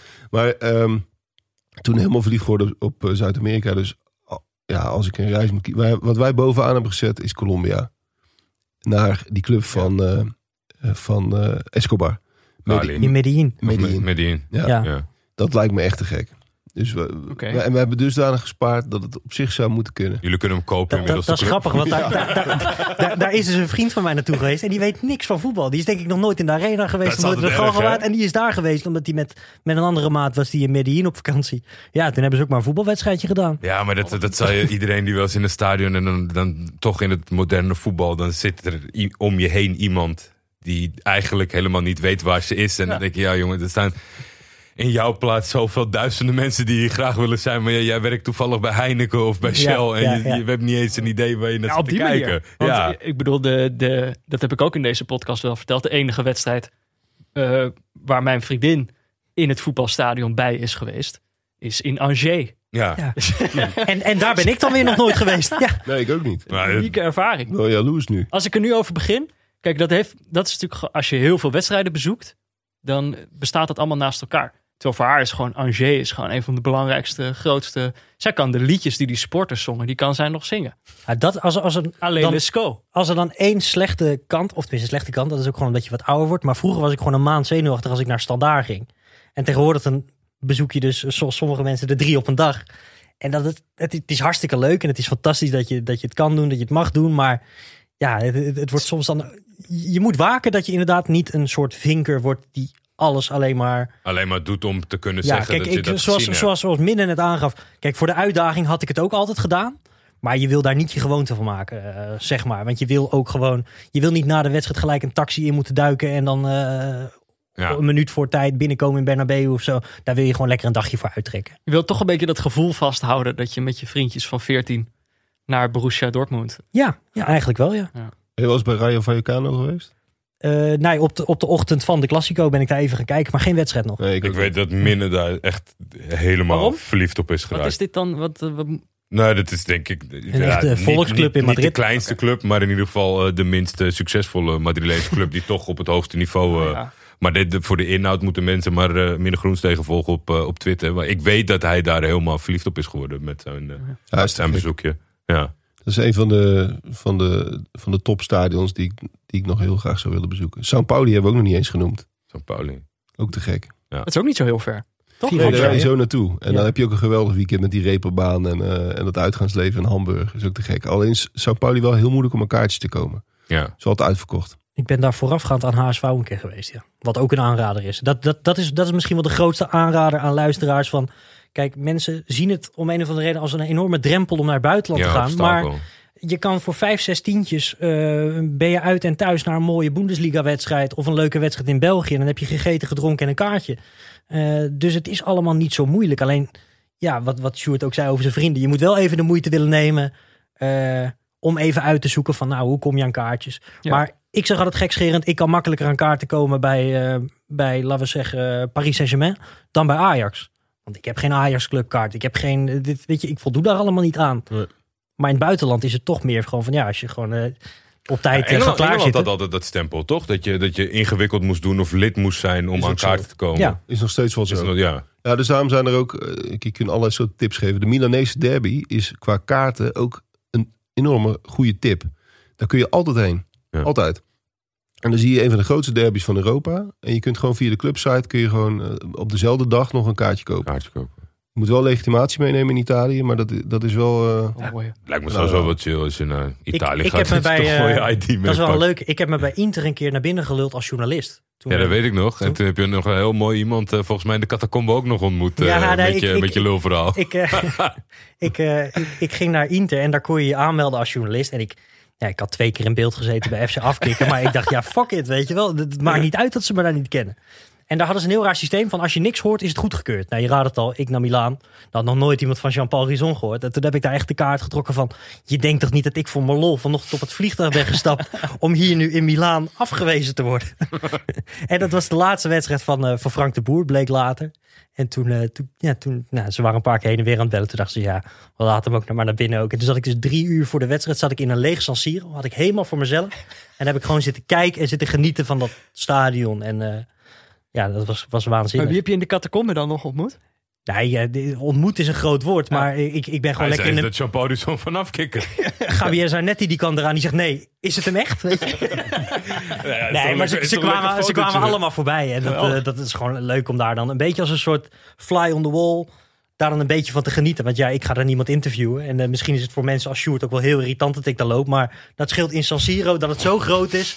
daar loop je niemand in de weg, weet je wel. Dus dat... eh, Gek. ja, een mooie Ah, met die tip had je moeten beginnen. Liegen. Liegen tegen de mensen. Van. Nou, in dat is Italië, in ja. Italië werkt dat. Ja. Dat klopt. Dat, dat is, eh, daar valt ook, ook met, met eh, als je spelers wil spreken, valt er altijd iets te regelen. Er is altijd een soort informeel circuit daar. En, En- ook, ook met kaartjes. En als je bij een stadion komt, eh, sowieso doorlopen als de domme toerist en doen alsof je het allemaal niet begrijpt, is een goeie. Want ik ben wel eens teruggeroepen door een schoonmaker in Brussel en ik deed alsof ik hem niet verstond. Maar hij had me voor, alle, had me voor de rotte vis uitgemaakt, zowel in Nederland als in het Frans. En wat vaak werkt is als je naar een club gaat en je zegt van, eh, we waren net bij Ajax. Laten we zeggen, als je naar de Kuip gaat en zeggen van, we waren net bij Ajax, zo arrogant. Mochten we niet eens even naar binnen om, eh, om een fotootje te maken. Dan zijn er heel vaak mensen die denken, Ik of een nog dat terreinknecht wij- die zoiets heeft van, dan zullen wij laten zien dat wij wel een mooie club Dat zijn. wij naar Antwerpen gingen, dat ook volgens mij, ja, de Peter en ik liepen daar een beetje achteraan. En op een gegeven moment stonden we in de bestuurskamer. Dat is andere Peter, hè? Ja, Zou ja, nooit. Andere Peter, ja. Zou ik nooit maar doen. het- Ja, het is ook gewoon een beetje... eh hè, eh, Brutale gekken de bek halve wereld, hè? Brutaal en Ja. eh, daar, kom je, daar kom je in heel eind. Ja, in België ook, ja. Ja. En als jij weer mag, Jordi, waar ga je naartoe? Ik ga naar Portugal, dat weet ik zeker. Ik, ik hoop eh, dat het eh, dienstverband... Jij eh, mensen? eh, ja, zeker. Ik, ik, ik- ik- ze spelen nu door omstandigheden in, op een of ander trainingsveld. Dat zou ik wel erg jammer vinden. Maar het, Ah, je wil die auto langs dat veld wel Ja, even het, zien. blijft mij, het blijft mij boeien. Volgens mij heb je het ook wel voorbij zien komen. Die setting Zeker. waarin, waarin die staat dan. En, en hij, volgens mij krijgt hij iets meer zelfvertrouwen na- nadat de zegen, zegens aankomen. Ik zie hele flamboyante blouses. Maar ik ben gewoon heel erg geïnteresseerd in de trainer Maar- Davids. maar ik dat weet is niet toch wie het het me leuke, ooit gaat vertellen, behalve hij zelf. Dat is toch maar- het leuke, door zo'n auto en do- doordat je, weet ik veel, de palmboom, achter- dan ben je daar toch ook een beetje. Ja, En dat is het mooie eraan. Ja. Ik, Dus ik, ik, eh, ga denk ik naar eh Frederikstad. Frederikstad. Oh, ik oh, je, wil, je, wil je, je wil je FM-team in het echt Nou ja, ik heb ooit in deze podcast verteld dat, eh, dat ik eh, via Twitter contact heb gekregen met eh, Ricky Alba. Het is een van de, het is een spits van de Noorse derde divisieclub Frederikstad. Wel grote historie. Maar ik hoop dat ik daardoor ooit een keer een voorkeursbehandeling krijg. Maar jij bent toch ook twee handen op één buik met Tom van der Looy? Die heeft Dat toch is ook best een Oh, leuke... dat is ook een eh, mooie ik moet naar Brescia. Ja, Brescia. Hetzelfde, hetzelfde verhaal, toch? Ook Ja, voetbalmanager. allebei. allebei. Ja, ook voet- via voetbalmanager. Ja. Er zijn eh, toch, dat, dat, kan- dat is dan mijn tip. Kies zeg maar een voetballer die niet zo bekend is en die dan een beetje paaien. Dat je dan uiteindelijk een keer mag. Maar het blijft ook een moeilijke positie, maar toch leuk voor die voetballers. Die, die weet je, hoe duizend mensen zullen hun FM-verhalen met z'n delen van. Hey, bij mij scoorde je 60 keer. En dan denk ik gewoon, ja, gaat me het echt nooit gebeuren. En, en, zeker jongens in de vreemde vinden het echt... In de regel vinden ze het allemaal fantastisch als je iets meekrijgt van ze. Ik sprak laatst Kevin Dix. En dan heb ik gewoon een half uurtje Kopenhagen Aarhus zitten kijken. Vond hij geweldig. Weet je Ja, wel? Ja, ja. ja dat, dat, dat, dat is ook gewoon leuk natuurlijk. En ik vind het leuk dat ik weer eens wat anders zie. Maar bij, bij Engelsen heb je altijd, ook al kom je in de vierde divisie, ehm, die zijn nooit onder indruk van wat jij weet over hun club. Dat vinden Ja, ze precies. volkomen normaal. Dus als je bij Woking komt en je kent de hele opstelling van Woking, dan zegt die supporter van Woking van ja, nee, eh, prima joh. eh, hartstikke hem ook. logisch. En, en, Ja. en het Ja, werkt ook andersom. Hè? Want ik heb wel eens in Spanje aan een Engelsman uit moeten leggen in een Paris Saint-Germain shirt wat dat was. Dat is dan, was wel voor de Qatar-tijd, maar goed, was het ook geen hele kleine club. Nee. Die man had geen idee. What's that? Paris Saint-Germain? Had hij nog nooit van gehoord. Maar dat is wel anders dan inderdaad. Dat is wel, denk ik, wel die Engelse aan zich. Omdat overal is natuurlijk als je komt. Oh, kom jij uit Nederland voor mijn club? En is een soort van extra waardering. En zijn ze juist onder de indruk van. Homovoetbal. eh, ja, Ja. ja, Ja, dat is in Engeland niet. nee. Vinden Ja, wel mooi ook. Vinden ze heel normaal. Ja, het was toch even fijn om even tussenuit te zijn, toch Jordi? Ja, qua wat? In het hoofd. In het hoofd even lekker ertussenuit. Oh zo. Eh, nou, volgende week zit de Interlandbreek er natuurlijk weer op. Dan gaan we gewoon weer een reguliere aflevering maken. Jij had eh, al uitgezocht welke wedstrijden we gingen kijken, toch? Nou, jij moest nog kiezen. Ik had een heel, eh, ik had een heel ding eh, Nou, nou, gemaakt. dan, ga ik, dan ga ik nog kiezen. Dat heb ik dan nog niet gedaan. Maar dan onze luisteraars merken vanzelf welke wedstrijd we hebben gekeken. Mag Ja, ik Gaan jullie wel eh, een beetje een stadion waar je een beetje de huizen kan zien. Mag ik jullie er nog een keer op wijzen dat jullie Bastia heel makkelijk kunnen kijken als het er... eh, Nou, zo, makkelijk is het niet. Hoeveel F'en je gaat ja, gebruiken dat om die livestream te dat is de vinden. moeilijkste URL van, eh, die, die er bestaat, maar dat is wel fr.ff.fr. Misschien moeten we dat, dat een keer gaan doen. Maar ja, Bastia kijken. zijn ze al gepromoveerd of ze zijn het aan het doen misschien? Maar je moet dan We zijn wel even, even lekker potje uitkiezen. Want ik heb ook al drie keer naar zitten En? kijken op een kunstgrasveld. Je kan het ook Heel live doen. triest, Je kan eh, live je camera aanzetten. Dan kunnen wij eh, als vrienden kunnen Ja. we er een event van maken. Maar goed, dat zien we nog wel een keer. Oh zo, ja. Wat? Zijn we dan te zien ook in het Ja. stadion? Nee, niet in het stadion, Oh. dat niet. Dat, zover zijn ze nog Voor, niet. voor wie zijn we dan wel te zien? Voor elkaar. Voor elkaar en voor, voor, voor vrienden van jullie show. Nou, dat vind ik wel leuk eigenlijk. Moeten dan kunnen we samen met onze vrienden van de show naar Bastia kijken. Als dat ja. kan. Ik dan heb, eh, dat misschien wel ik, gaan doen. ik, ik heb nog wat moois voor de volgende uitzending. Want eh eh, Sjoerd was zo vriendelijk om zijn nieuwe boek Op zoek naar Maradona eh, mee te nemen. Om weg te geven. Dus Geweldig. volgende week hoef ik niet na te denken over wat weg te geven is. Eh, en eh, Doen we weer een winactietje. de niet gelukkige mensen, die kunnen het gewoon kopen. Is dat nog een, een, een voorkeurspositie waar ze het zouden kopen? Oh, Op de site van, eh, van Santos kun je hem kopen. Je kunt hem eh, bij ad.nl schuinstreep Maradona kun je hem kopen. Dus op zich is hij wel te vinden. Zelfs bij bol.com staat hij gewoon. Ja. Staat het Maradona hoekje van het restaurant er ook in? Ja, Ik bedoel, eh, maar, ja, die staat er ook in, natuurlijk. Ja. Nee, het is ook een soort reisgids. De, eh, reisgids Oh. door zijn leven. Er staan heel veel plekken in eh, die met Maradona te maken hebben. Gek. Heeft jouw fascinatie de doen, je vriendengroep doen duwen die kant op? Of is dat eh, toevallig samenloop van omstandigheden? Ja, Of zijn je vrienden ook gek op omdat... ik heb het wel een beetje beïnvloed. ja? Ja. Nou ja, als we in Buenos Aires zijn, dan wil, dan wil je wel nog zoveel mogelijk Maradona plekken zien. Ja. En dan stuur ik de taxi even langs eh, Argentinos Juniors of langs zijn geboortehuis of dat soort dingen. ja. En, eh, dat, dat, maar dat vinden ze eigenlijk wel tof hoor. Dat vinden ze ook wel leuk. Ik bedoel, ik, ik neem ze niet verplicht mee. Nee. Maar het is wel zo. We gaan uit eten jongens, ja. maar we gaan eerst even twee uur rondjes rijden. Nee, maar je hebt wel altijd in zo'n vriendengroep. Er zijn, er zijn jongens die hebben meer met voetbal en wat minder. Ja. Maar bij ons is voetbal gewoon altijd ook een excuus. Dat, dat, zo is Ja. het gewoon. Dat vind ik de mooiste, Mooiste les. mooiste les uiteindelijk. Dat het gewoon een excuus is om de wereld te zien. Ja, dat vind ik eh, prima excuus. Zo, eh, dan laten we het daarbij, toch? Voor deze dat keer. het eh, mooi is. Neutrale Kijkers is mede mogelijk gemaakt door Dag en Nacht Media. Hoofdsponsor op de borst is Auto.nl. De muziek die je aan het begin hebt gehoord is Tachanka van Leon Lischner en Friends. Een adaptatie daarvan van Studio Cloak. Cloak. Het logo is van Barry Pirovano. Sjoerd, bedankt voor, eh, voor, voor alle reistips. Jean-Paul, jij natuurlijk ook. Ja, leuk om hier eens te zijn. Want normaal praat ik ook altijd gewoon tegen jullie terug als jullie in gesprek zijn. Maar ja, dan zit, zit ik gewoon thuis voor de tv. Eh, en verder, eh, ja, je, je- klaagt er een beetje over. Dus luisteraars kunnen beter niet naar jullie komen met, met, voor reistips. Of wel? Oh nee, zeker wel. Zijn altijd, eh, zijn altijd welkom. Want Nee, uiteindelijk ik- is het alleen maar leuk om het te delen. Ik, ik schatte in dat dat vervelend kan zijn. Omdat het Ah. natuurlijk op een gegeven moment best wel massaal... En wat je zegt in het begin, wij hebben al heel veel tijd nodig gehad... om het een beetje te kaderen, zeg maar. Want als je tegen... Waar, waar zal ik heen gaan? Dat is zo Het, het groot. is, het is, het is, het is Dus heel kom breed. En, en, het het is vooral leuk om zelf uit te zoeken wat je nou echt interessant vindt om dus in het echt te zien. Wil je Messi zien? Of, of vind je het leuker om in een heel oud buurtstadionnetje eh, ergens in België Ja. of, of, of, of eh, Frankrijk of Argentinië? eh, Iemand te uit te zien die komen. niet per se veel beter dan jou is. nee, maar waar het wel heel gezellig is. Ja. Als je het na deze podcast nog niet weet, kom op. Eh, verder trouwens ook nog bedankt aan eh, de vrienden van de show die hun berichtje instuurden. Dan wil ik ze toch ook nog eventjes bij naam noemen. Is toch wel zo vriendelijk. Minne was het uiteraard. Eh, Arjan, eh, Ruben, Gert. Marten, Gert. Ja, die, hebben, die hebben we zeker gehoord. En Jesper. Dank jullie wel voor de, voor de leuke verhalen. Eh, nou ja, verder, je kan eh, Jordi en mij volgen op Twitter. Via @vev of @buurtvader. Je kan ons mailen op neutralekijkers.gmail.com. Of een berichtje ach- achterlaten op vriendvandeshow.nl slash neutrale kijkers. En we hebben ook Instagram. Daarop staan plaatjes van mascottes. Voornamelijk. Voornamelijk. Ik weet niet wat we deze keer dan moeten doen. Voor deze Dat aflevering. wordt lastig. West Brom. Weten jullie nog een leuke? Is dat Boilerman? West Brom, ja. Boilerman. Het contract is weer verlengd, hè? Hoe verzinnen ze het toch? Ja, nee, ja, het gaat de hele wereld over. Dus wat dat betreft heel slim marketing-wise. Oké, eh, nou ja, volgende week zijn we er dus weer met de reguliere aflevering. En tot die tijd, hou afstand, blijf neutraal. Zie ik jou volgende week weer, Jordi? Tot volgende week.